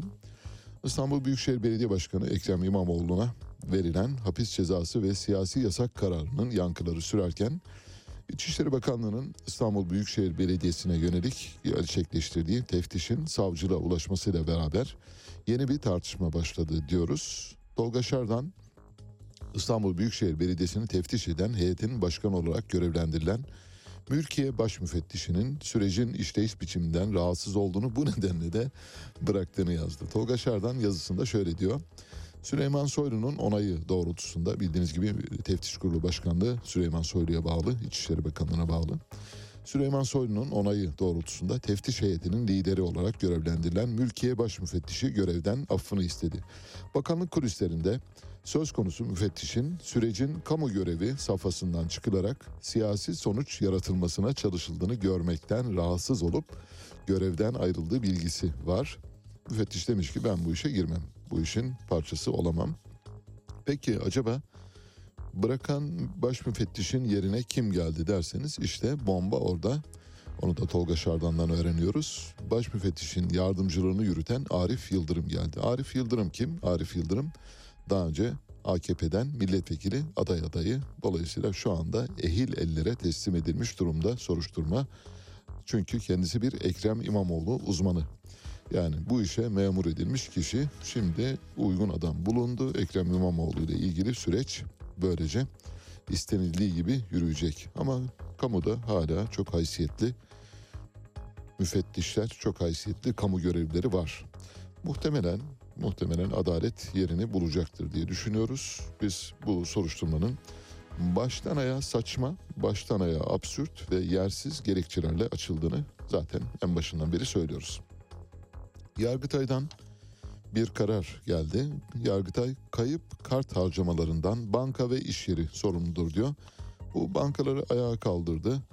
İş yerleri için de aynı şey. Şimdi kartınızı kaybettiniz. Kartınızı kaybettiğiniz bilgisine siz bile sahip değilken banka nasıl sahip olabilir ya da iş yeri nasıl sahip olabilir diye bir tartışma var. Muhtemelen hem bankalar hem de iş yerleri muhtemelen muhtemelen diyorum yani bir illiyet bağı kurarak bu karara karşı itiraz yolunu deneyeceklerdir. Ancak bankaların şöyle bir ödevi var, bir görevi var biliyorsunuz. İşte kartınızda çok yüklü bir harcama yapıldığı zaman örneğin siz genel olarak harcama kabiliyetleriniz belli. Bankalarda da bu yapay zeka ile takip ediliyor zaten.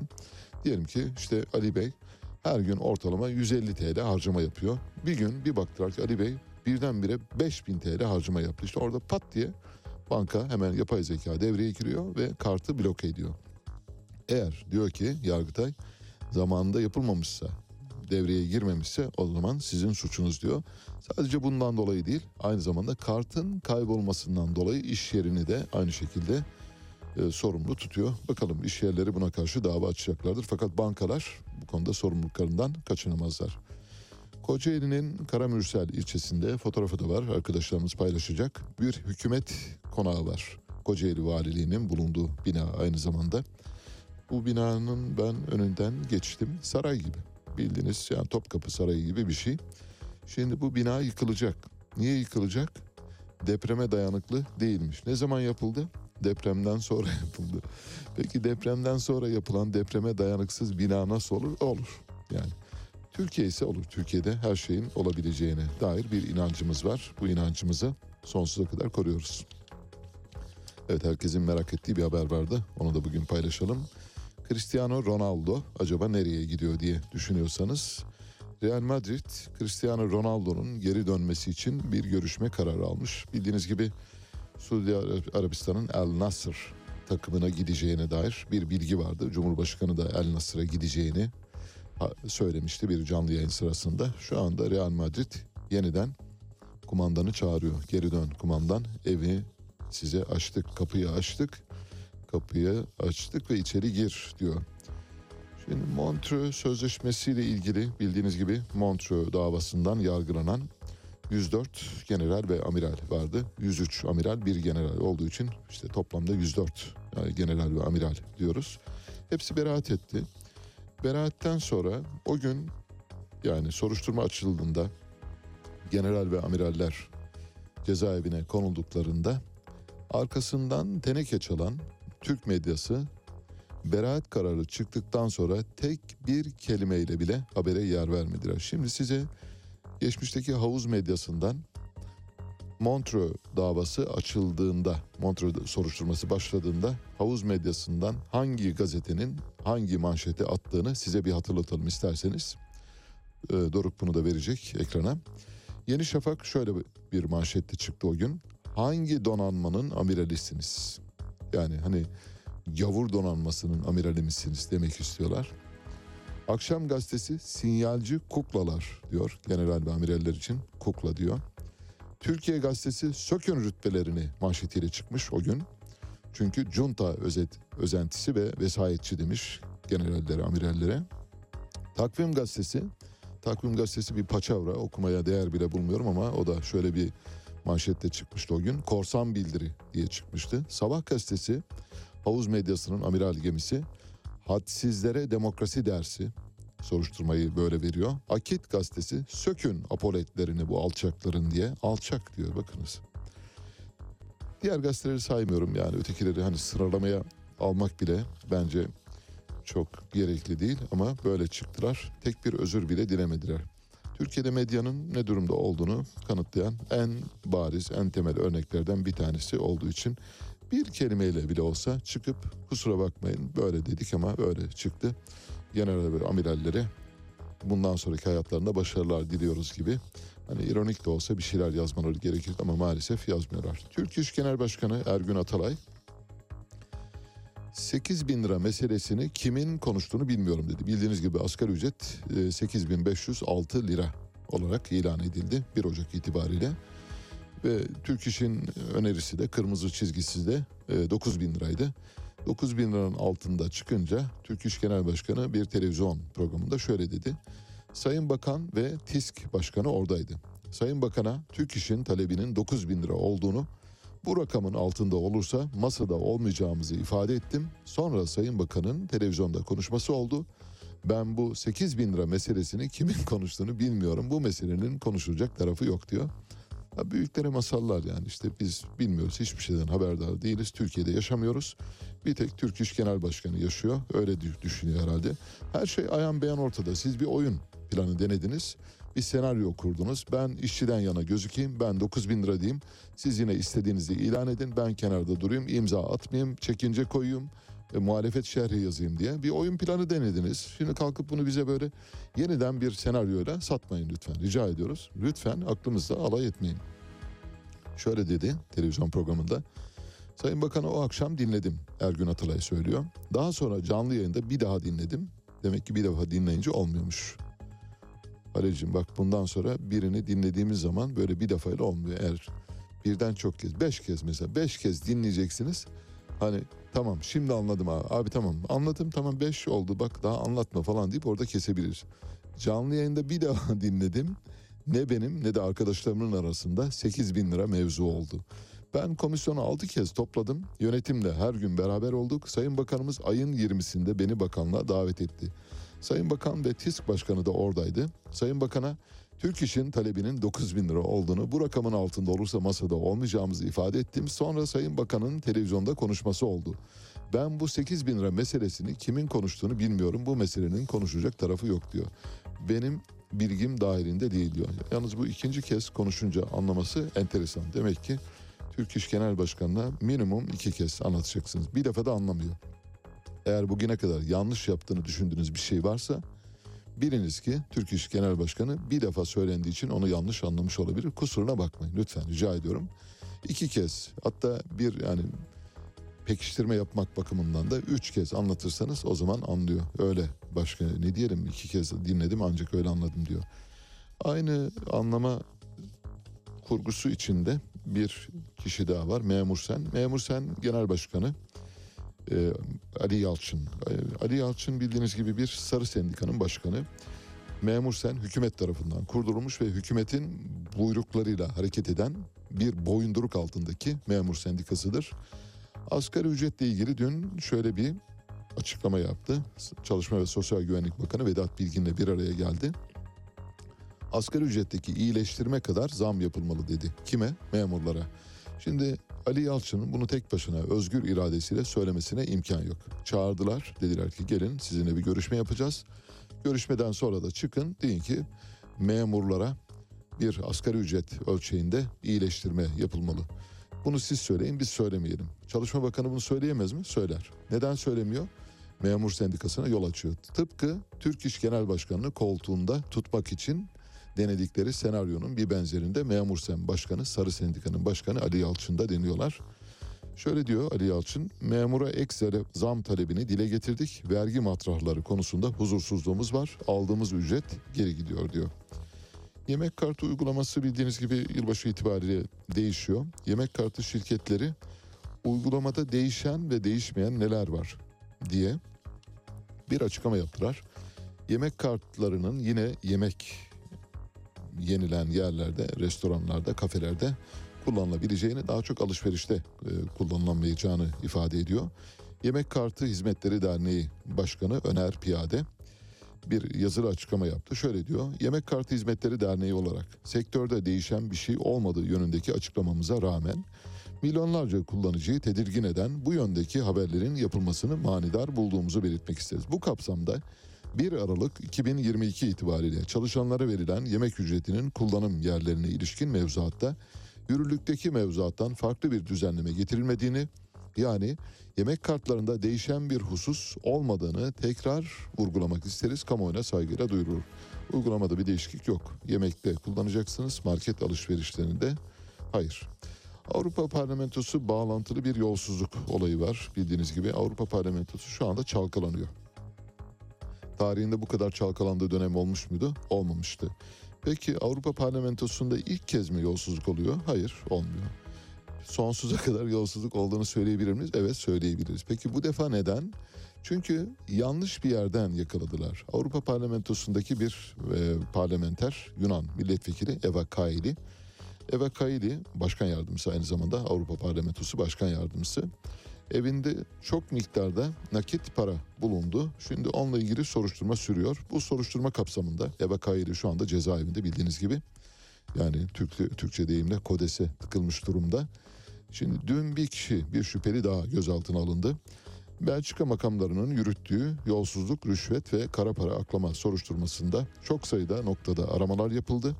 1,5 milyon euro nakit ele geçirilmiş ve 4 kişi gözaltına alınmıştı. Büyük bölümü Eva Kaili'ye aitti. Ve Gözaltına alınan kişilerin Avrupa Parlamentosu'nun başkan yardımcılığı sona erdirilen Yunan milletvekili Eva Kaili, eski Avrupa Parlamentosu'nun İtalyan milletvekili Pier Antonio Panzeri, Kaili'nin partneri ve Avrupa Parlamentosu'nda asistan olarak çalışan Francesco Giorgi, Francesco Giorgi yancı burada. Şimdi asıl bombaya geliyorum ve Hukukun Üstünlüğü Derneği'nin başkanı Niccolo Figa Talamanca. O da şu anda gözaltında bulunanlar arasında. Nasıl? Hukukun Üstünlüğü Derneği'nin başkanı. Nerede? Cezaevinde. Neden? Rüşvet aldığı için. Kimle birlikte? Eva Kaili ile birlikte. Eva Kaili'nin yardımcıları kim? Bir tanesi yancısı, öteki de yardımcısı. Bir süre önce hatırlarsanız dünyadaki sivil toplum örgütlerinin bu hukukun üstünlüğü derneğinden yola çıkarak söylüyorum. Sivil toplum örgütlerinin sizin için yanıltıcı olmaması gerektiğini söylemiştik. Bir akademik çalışmayı paylaşmıştık. Kızılay'dan Kızılaç'a, Birleşmiş Milletler'den UNICEF'e, Dünya Sağlık Örgütü'nden aklınıza gelebilecek işte bütün yani Amnesty International'a kadar bütün sivil toplum örgütlerini şöyle gözünüzün önünden bir geçirin. İşte Doğal Hayatı Koruma Derneği de dahil olmak üzere hepsini aklınıza getirin. Bir tek bunun istisnasının sınır tanımayan doktorlar, sınır tanımayan gazetecilerde olduğunu belirtiyorum. Onları kenara ayırıyorum. Oralarda böylesi yolsuzluklar olmadı bugüne kadar. Bilmiyoruz ya da en azından öyle söyleyelim. Ama bunun dışındaki bütün sivil toplum örgütlerinde akademik raporun bize sunduğu bilgilere göre şöyle diyor raporda. Dünyadaki sivil toplum örgütlerinin çok önemli bir bölümü topladıkları bağışları, kendilerine yapılan hibeleri genel gider altında kullanmaktadırlar. Genel gider altında kullananların oranı yüzde 85. Yani sivil toplum örgütleri topladıkları paranın her 100 doların 85 dolarını nerede kullanıyor? Genel gider. Genel gider ne? İşte sekreterler, asistanlar, makam arabaları, cep telefonları, tabletler, bilgisayarlar, business class uçak biletleri, şaraplar, şampanyalar, 5 yıldızlı oteller. Buralardaki harcamalar için kullanıyorlar. Sivil toplum örgütleri. Yani Kızılaç'a para veriyorsunuz ya o işte oraya gidiyor. Amnesty International'a para veriyorsunuz buralara gidiyor. Geri kalan 15 doları ne yapıyor? 15 doları da kaynağa gönderiyor. İşte Angola'da mesela açlarla dayanışma adına bir şeye gönderiyor. Bir fona gönderiyor. Onu da böyle büyük reklamlarla duyuruyorlar. Filanca sivil toplum örgütü Angola'daki açlara ya da Angola'da soykırıma uğrayan e, filanca kabileye yardımda bulundu. Ne kadar? İşte 300 bin dolar. Toplanan para ne? 3 milyar dolar mesela. 3 milyar dolar topluyorsunuz oradan yani tüm sivil toplum örgütleri için söylüyorum. Ayırdığınız para 300 milyon dolar ya da 300 bin dolar veriyorsunuz. Sivil toplum örgütlerine sakın kanmayınız. Sivil toplum örgütleri topladıkları paraların en etik değerlere uygun çalışanı bile %85'ini genel giderler için kullanıyor. En etik değerlere bağlı olan. %98'ini genel giderler için kullanan sivil toplum örgütleri var. Bunu yayında paylaştım, belgeleriyle paylaştım. Dolayısıyla yeniden üzerinde durmuyorum. Sivil toplum örgütleri sizin o naif vicdanınıza seslenen o naif vicdanınızın yumuşak bağırlarından çıkan paraları avuçlamak için kurulmuş örgütlerdir. Hiç başka bir işe yaramazlar. Hiç zannetmeyiniz ki alıp o parayı böyle camilerdeki mesela toplanan paralar aynı şekilde cemaatlerin topladığı paralar sivil toplum örgütlerinde yardım amaçlı açlara yardım, eistlere yardım amacıyla toplanan paraların yüzde 85'ini ne yapıyorlar? İç ediyorlar. Geri kalanını eh işte geri kalanını da biraz dağıtıyorlar. Ahlaklı olanlar yüzde 85'ini kendine ayırıyor. 15'ini dağıtıyor. Ahlaksız olanlar, etik değerlere hiç bağlı olmayanlar neredeyse yüzde yüzüne yakını. Örneğin şöylesi raporlar geliyor Birleşmiş Milletler Genel Kurulu'na.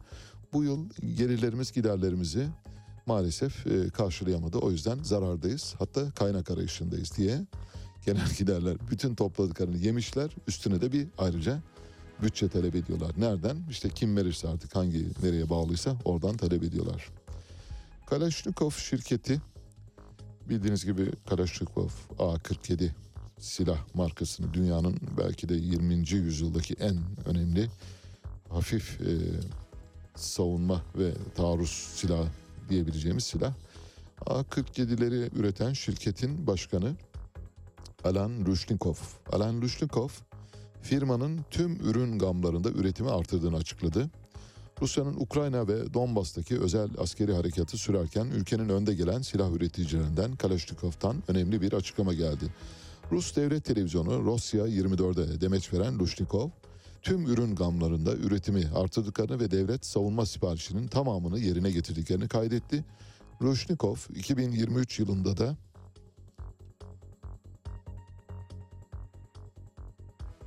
yeni insansız araçlar geliştireceklerini ve İHA üretimini de artıracaklarını bildirdi. İsrail Cumhurbaşkanı dün Türkçe bir mesaj yayımladı. Bildiğiniz gibi uzun bir aradan sonra Türkiye ile İsrail arasında diplomatik ilişkiler kuruldu. Biz onlara büyükelçi atadık, onlar da bize büyükelçi atadılar. Şimdi aramızdaki buzlar çözüldü.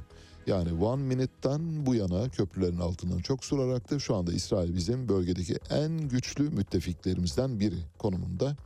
Türkiye Tel Aviv'e Şakir Özkan Torunlar adında bir büyükelçi atadı. Bunun üzerine ve dün e, İsrail'in e, Ankara Büyükelçisi de e, Cumhurbaşkanı Erdoğan'a güven mektubunu sundu. İrit Lilian. İrit Lilian Cumhurbaşkanı'na İsrail Milli Marşı ile karşılandı kendisi ve sosyal medya hesabından da paylaşımlarda bulundu. Türkçe paylaşımlar yaptı. Türkçe paylaşımı yapan sadece İrit Lilian değil aynı zamanda İsrail Cumhurbaşkanı Herzog da Türkçe bir paylaşımda bulundu. Şöyle dedi. Bugün Büyükelçi İrit Lilian güven mektubunu Cumhurbaşkanı Recep Tayyip Erdoğan'a sunarken Ankara'da Cumhurbaşkanlığında yeniden Ha Tikvah İsrail Milli Marşı'nı duymak çok etkileyiciydi. Yakında Türk Büyükelçisi'nin güven mektubunu kabul etmeyi dört gözle bekliyorum. İsrail-Türkiye ilişkilerinde büyük adım diyor. Yani siz kabul ettiniz biz de size aynı şekilde müzahir bir tutum sergileyeceğiz. Lütfen geciktirmeyin bir an önce Şakir Bey'i gönderin demek istiyor. İsrail Cumhurbaşkanı İzak Herzog'un Mart'taki Ankara ziyaretinin ardından Dışişleri Bakanı Mevlüt Çavuşoğlu bildiğiniz gibi İsrail'e gitmişti. İsrail Başbakanı Yair Lapid de Haziran'da Türkiye'ye gelmişti. Türkiye ve İsrail 17 Ağustos'ta diplomatik ilişkilerini en üst seviyeye çıkarma ve karşılıklı büyükelçi atama kararı almışlardı. Türkiye'nin Tel Aviv'e yeni atadığı Büyükelçi Şakir Özkan Torunlar gö- görev yerine ulaştı ancak henüz güven mektubunu İsrail Cumhurbaşkanı sunmadı. Bekliyor Roman Herzog Şakir Bey. Lütfen gecikmeyin diyor. Bir an önce bekliyoruz ya. Açtık kapıları. Yumduk gözümüzü. Unuttuk bütün derdimizi. Geride bıraktığımız zaman diliminde öyle one minute falan filan artık bunlara gerek yok artık. Gereksizdi zaten. Yani bunu burada bir şey olarak diplomatik üslubun dışına çıkarak söylüyorum. Gereksizdi, anlamsızdı. Muhtemelen Cumhurbaşkanı da o dönemdeki bu hareketinden dolayı İsrail'le olan ilişkilerin bu hale getirilmesinin Türkiye'ye çok e, ağır bir bedel ödettirdiğinin farkındadır. Yayının sonuna doğru 9'a çeyrek kala bir telefon bağlantımız olacak. Herkesi yakından ilgilendirdiği için şimdiden anonsunu yapalım. Yayınımıza Çukurova Üniversitesi Su Ürünleri Fakültesinden doçent doktor Sedat Gündoğdu katılacak. Konu ne? Konu Sedat Gündoğdu Türkiye'de üretilen balık konservelerinin içinde mikroplastikler buldu. Ama kaç marka derseniz 33 marka. 33'ünün 33'ünde de mikroplastikler buldu. Dahasını söylüyorum. Mikroplastiğin yani hani balık yutmuş olabilir, sindirememiş olabilir falan, su kirli olabilir bunları geçtim. İçinde eldiven parçaları bulundu. Nasıl? Şimdi diyeceksiniz ki eldivenle çalışıyor. Ne yapsınlar işçiler? Evet doğru haklısınız. Hatırlar mısınız? Dardanel ton tesislerinde eldivensiz yani neredeyse böyle çıplak elleriyle Dardanel ton doldurup boşaltan işçiler vardı. Dardanel o işten çok zarar görmüştü. Şimdi mikro plastikler var. Buna da bir bakacağız. Çünkü belli ki yeterli hijyeni sağlamış olabilirler ama yeterli kimyasal kontrol yapılamıyor. Vladimir Putin Rusya Devlet Başkanı Rus petrolüne tavan fiyat uygulamasına katılanları petrol satışından yasaklayacaklarını bildirdi. Bildiğiniz gibi Avrupa Birliği Rus petrolüne tavan fiyat uygulaması getirmişti. Bunun üstünde bir petrol alımı yapmayacaklarını ifade ediyordu. Karar 1 Şubat 2023 itibariyle yürürlüğe girecek ve Vladimir Putin eğer öyleyse madem öyle işte böyle türünden bir karar aldı. Siz bize tavan fiyat koyarsanız biz de size zaten petrol satmayı düşünmüyoruz. tavan fiyat koymayan ülkelere satmaya devam edeceğiz diyor. Rusya'nın şu anda Çin'e ve Hindistan'a sattığı petrol miktarı patlamış durumda öyle söyleyeyim. İnanılmaz boyutlarda.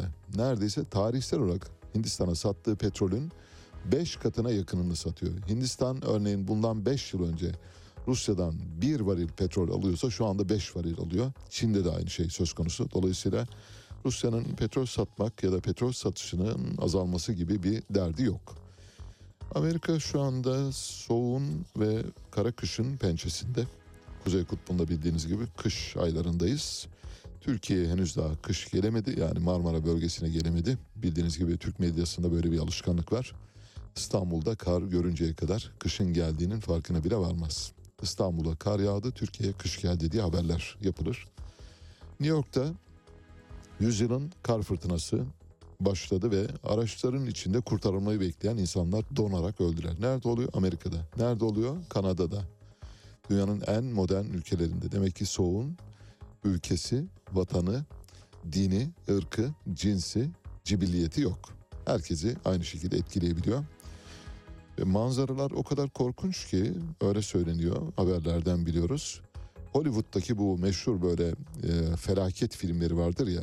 O felaket filmlerinde görülen manzaralardan daha kötüsü olduğu tahmin ediliyor. Öylesine manzaralar yaşanıyor. Bazı bölgelerde mesela 23 santimden daha kalın kar.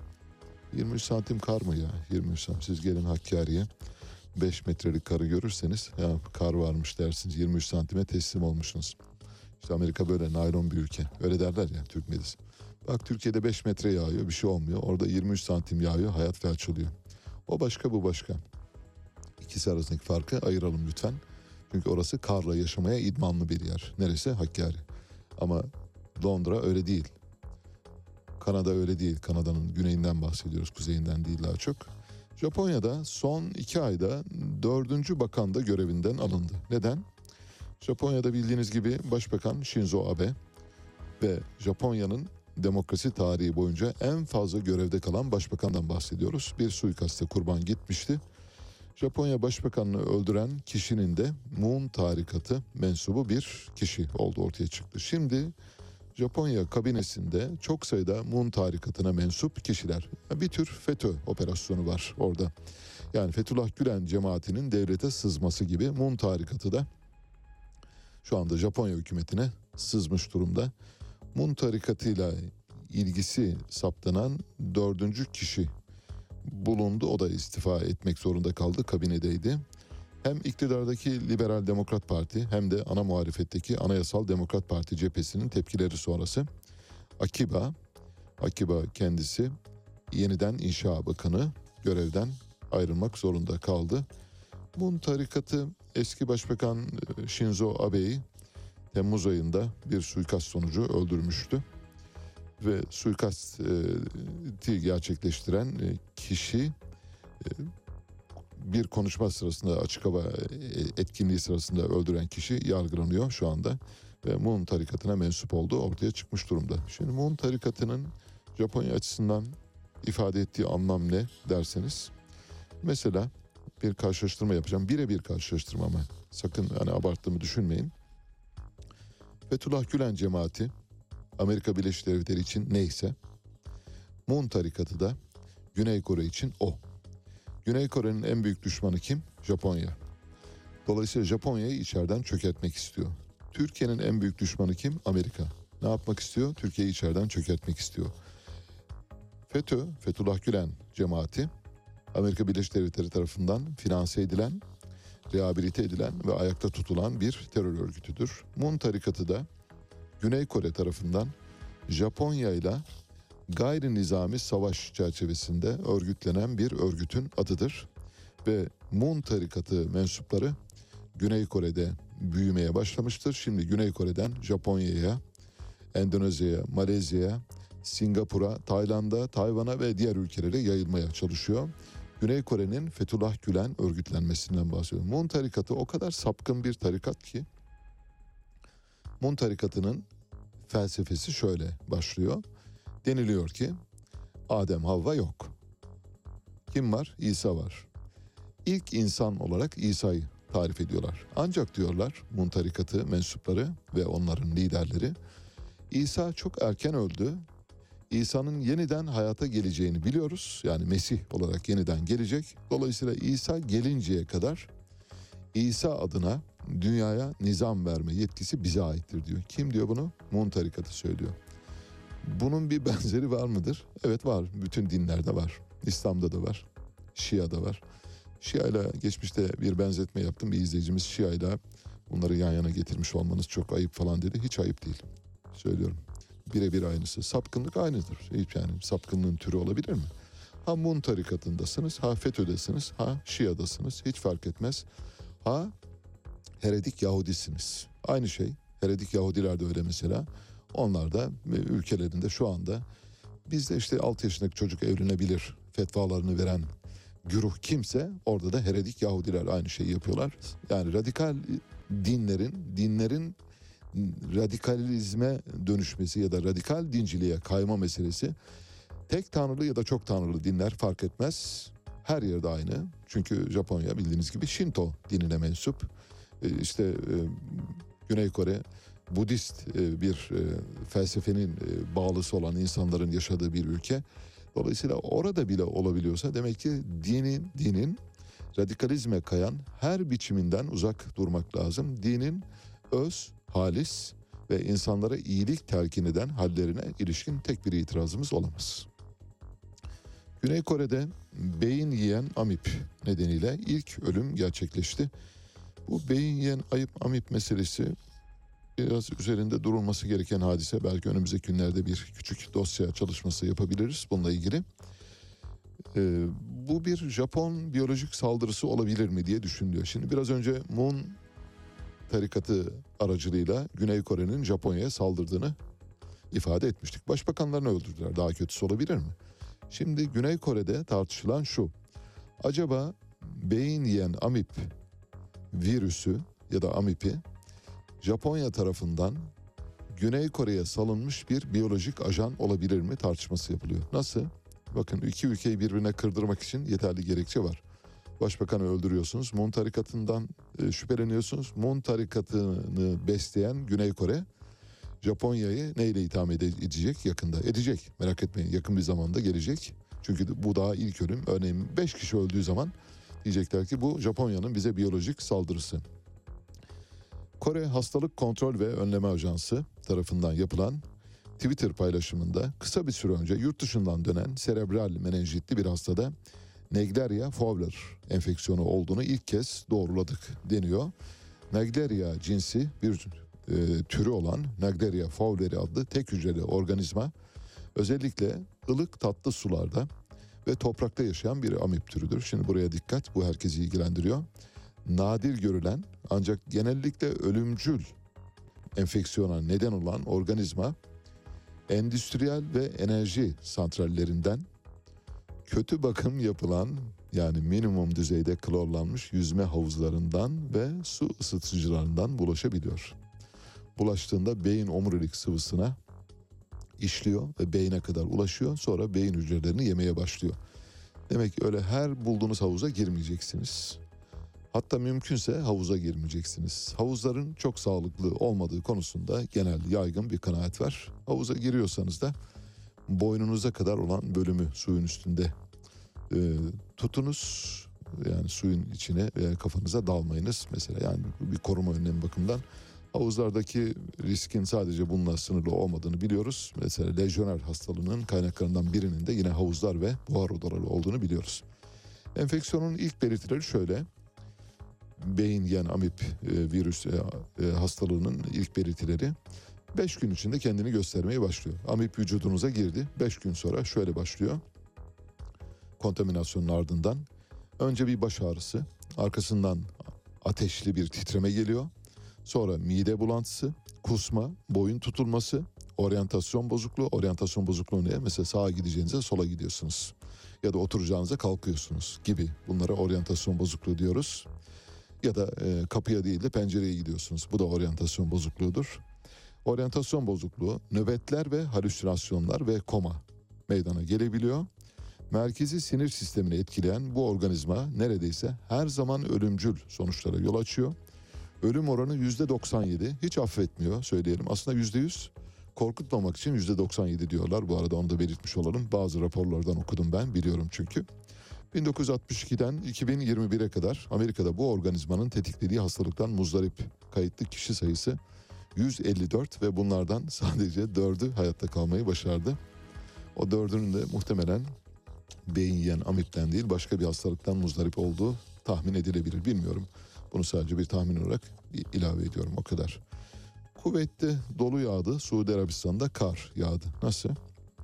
Körfez ülkelerinden Kuveyt'te dolu, Suudi Arabistan'da ise kar yağdı. Bu arada Kuveyt'teki dolu tarihsel olarak en yüksek orana sahip kilogram metrekareye 55 kilogram yağış düşmüş. Suudi Arabistan'da da ülkenin kuzeybatısındaki Tebuk bölgesinin gece saatlerinden itibaren kar yağışının etkisi altında kaldığı bildiriliyor. Soğuk hava dalgasının ardından Levz dağları bölgesinin beyaza büründüğü bildiriliyor. Ülkenin birçok yerinden insanların kar sevincini yaşamak için seyahat ettiği ifade ediliyor. Başka yerlere gidiyor. Suudi Arabistan'ın kuzey komşusu Ürdün'de de pazartesi günü şiddetli yağış sonucu bazı yerlerde heyelan meydana gelmiş. Kimi bölgelerde de yollar kapanmıştı. Şimdi Katar'da, Suudi Arabistan'da kar dolu, yağış. Türkiye'de kuraklık. Amerika Birleşik Devletleri'nde kar esareti, kar fırtınası ve kar fırtınasından ölen insanlar var. Küresel ısınmanın hangi boyutlara geldiğini herhalde bu örnekler de anlatmıyorsa bize zaten başka bir örneğe gerek yok. Bir başka örnek daha verelim küresel ısınma ile ilgili. Bu yıl mesela İtalya'nın en sıcak yılı oldu. Meteorolojik tahminlere göre 100 yıllık ölçümlere dayalı olarak en sıcak yıl olarak geride kalmış. İtalyan Ulusal Araştırma Konseyi'nden yapılan açıklamada 2022'nin ölçümlerinin tutulmaya başlandığı 1800'lerden bu arada 200 yıl geriye doğru gidebiliyor. Kaydedilen en sıcak yıl olduğu bildirildi.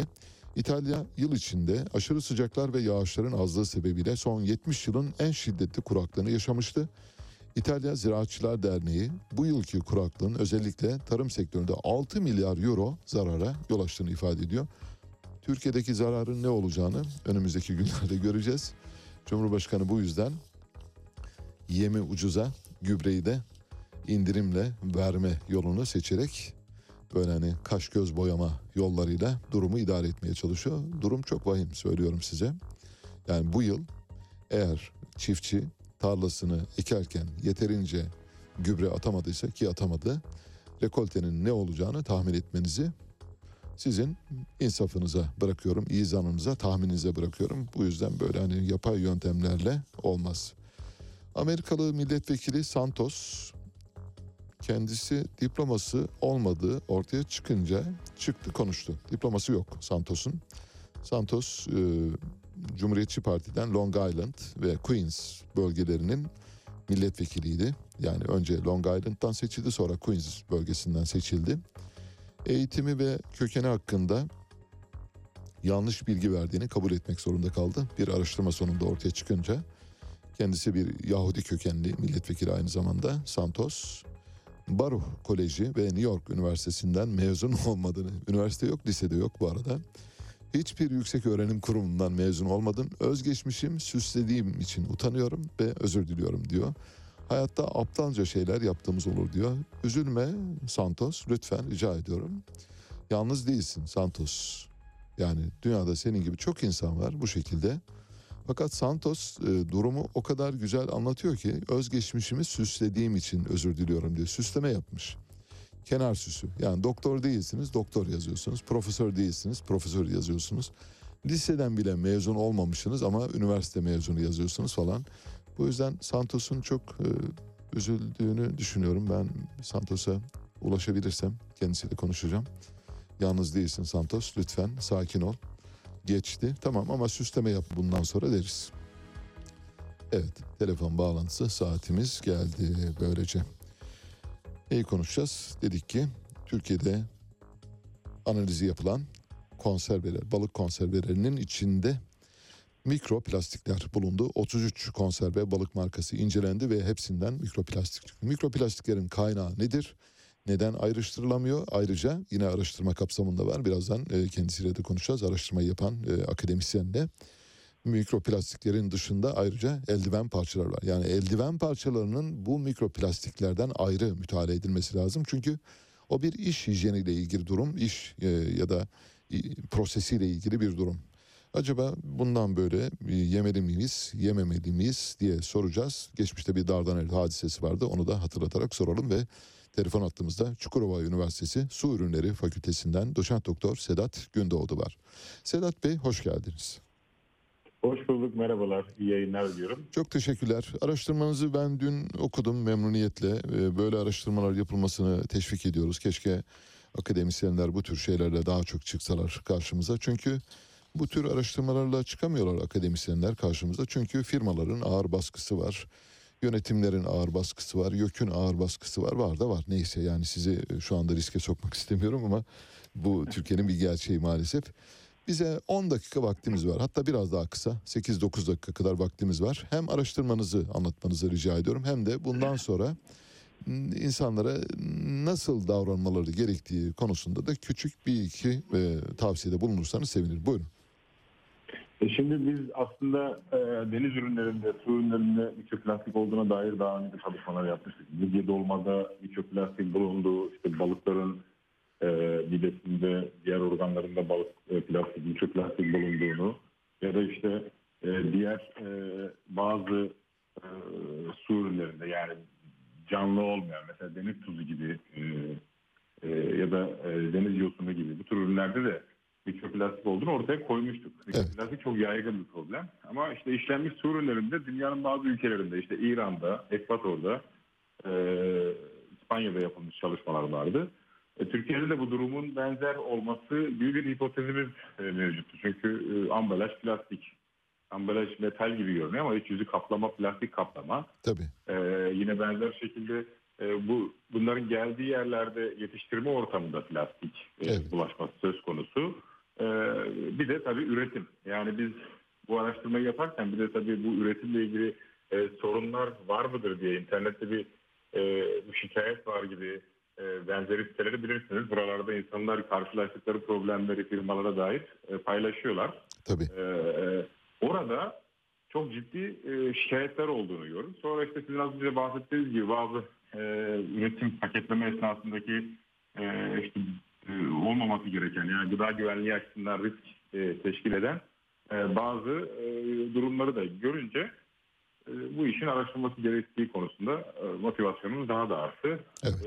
Ve en az bir tane olmak üzere bütün markalarda e, mikroplastik varlığını ortaya koyuyor. Tabii bu bizim için şaşırtıcı değil. Evet. Ama ispatlanması ve ortaya konulması gereken bir durum. Tabii burada şöyle bir öneri yapmıyoruz. Ben hiçbir zaman e, midye dolma araştırması yaparken de bunu söylüyordum. E, balık araştırması yaparken de balıklardaki mikroplastik araştırmasını yaparken de söylüyordum bunu. E, yememek çözüm değil.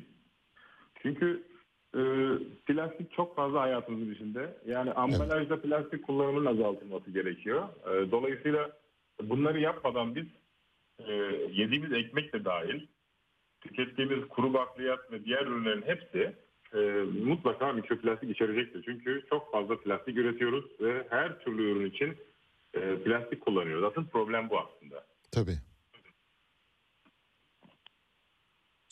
Evet. Son, yani e, burada e, siz az önce hani yiyelim mi yemeyelim mi gibi bir öneri e, soru da soracağız için. Ee, söylüyorum. Evet evet Bana- e, varsayın ki sordum ben e, bütün soruları peşin sordum kabul edin E, öyle konuşmalarınızı tamamlayın lütfen 5 dakika daha vaktimiz var buyurun.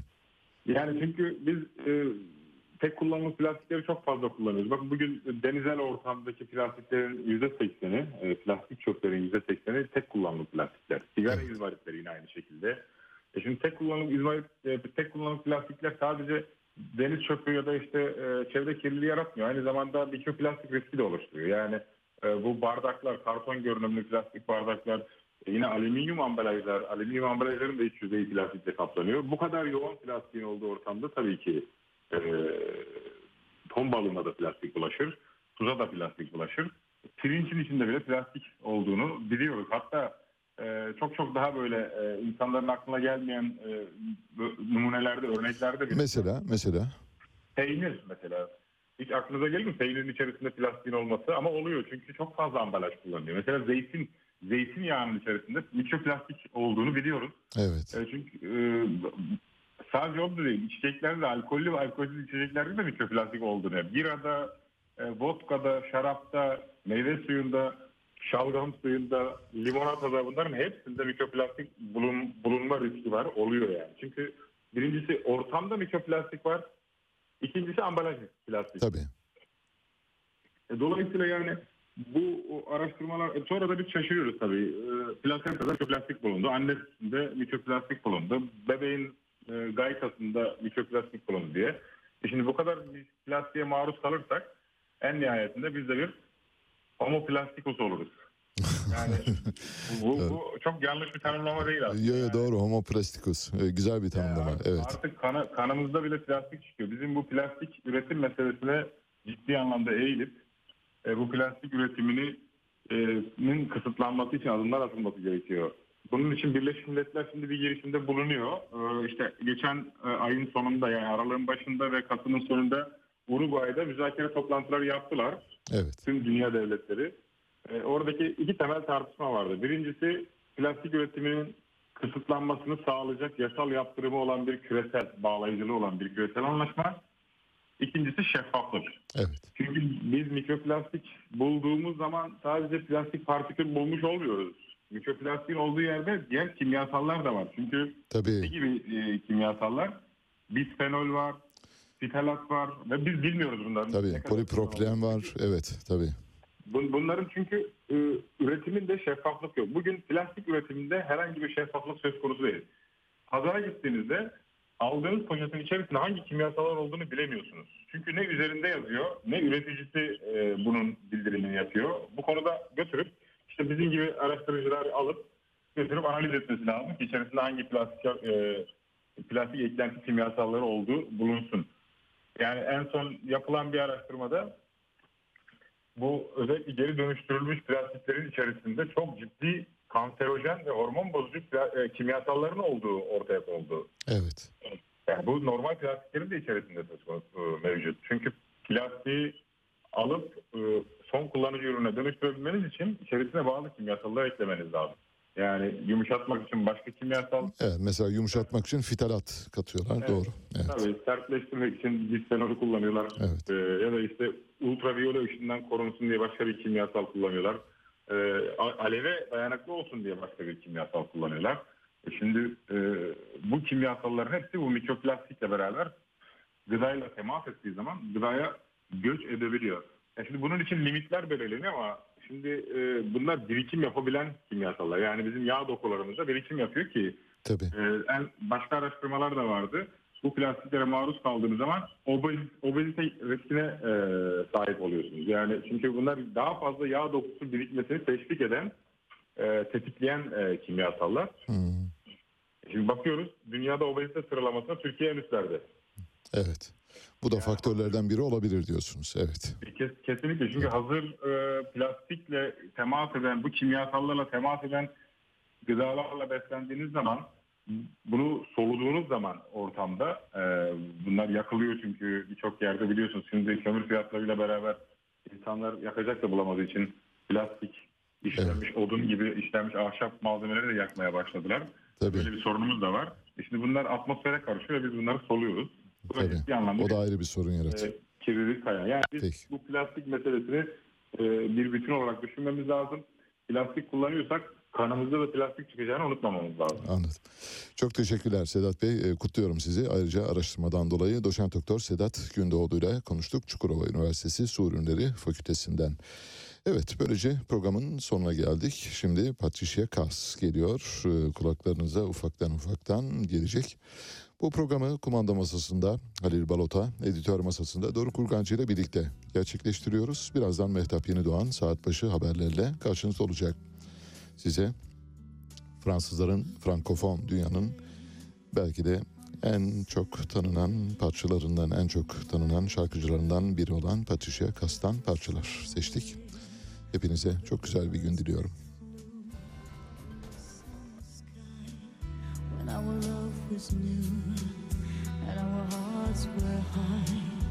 when the day was young and the night was long the moon stood still for the nightbird's song. If you go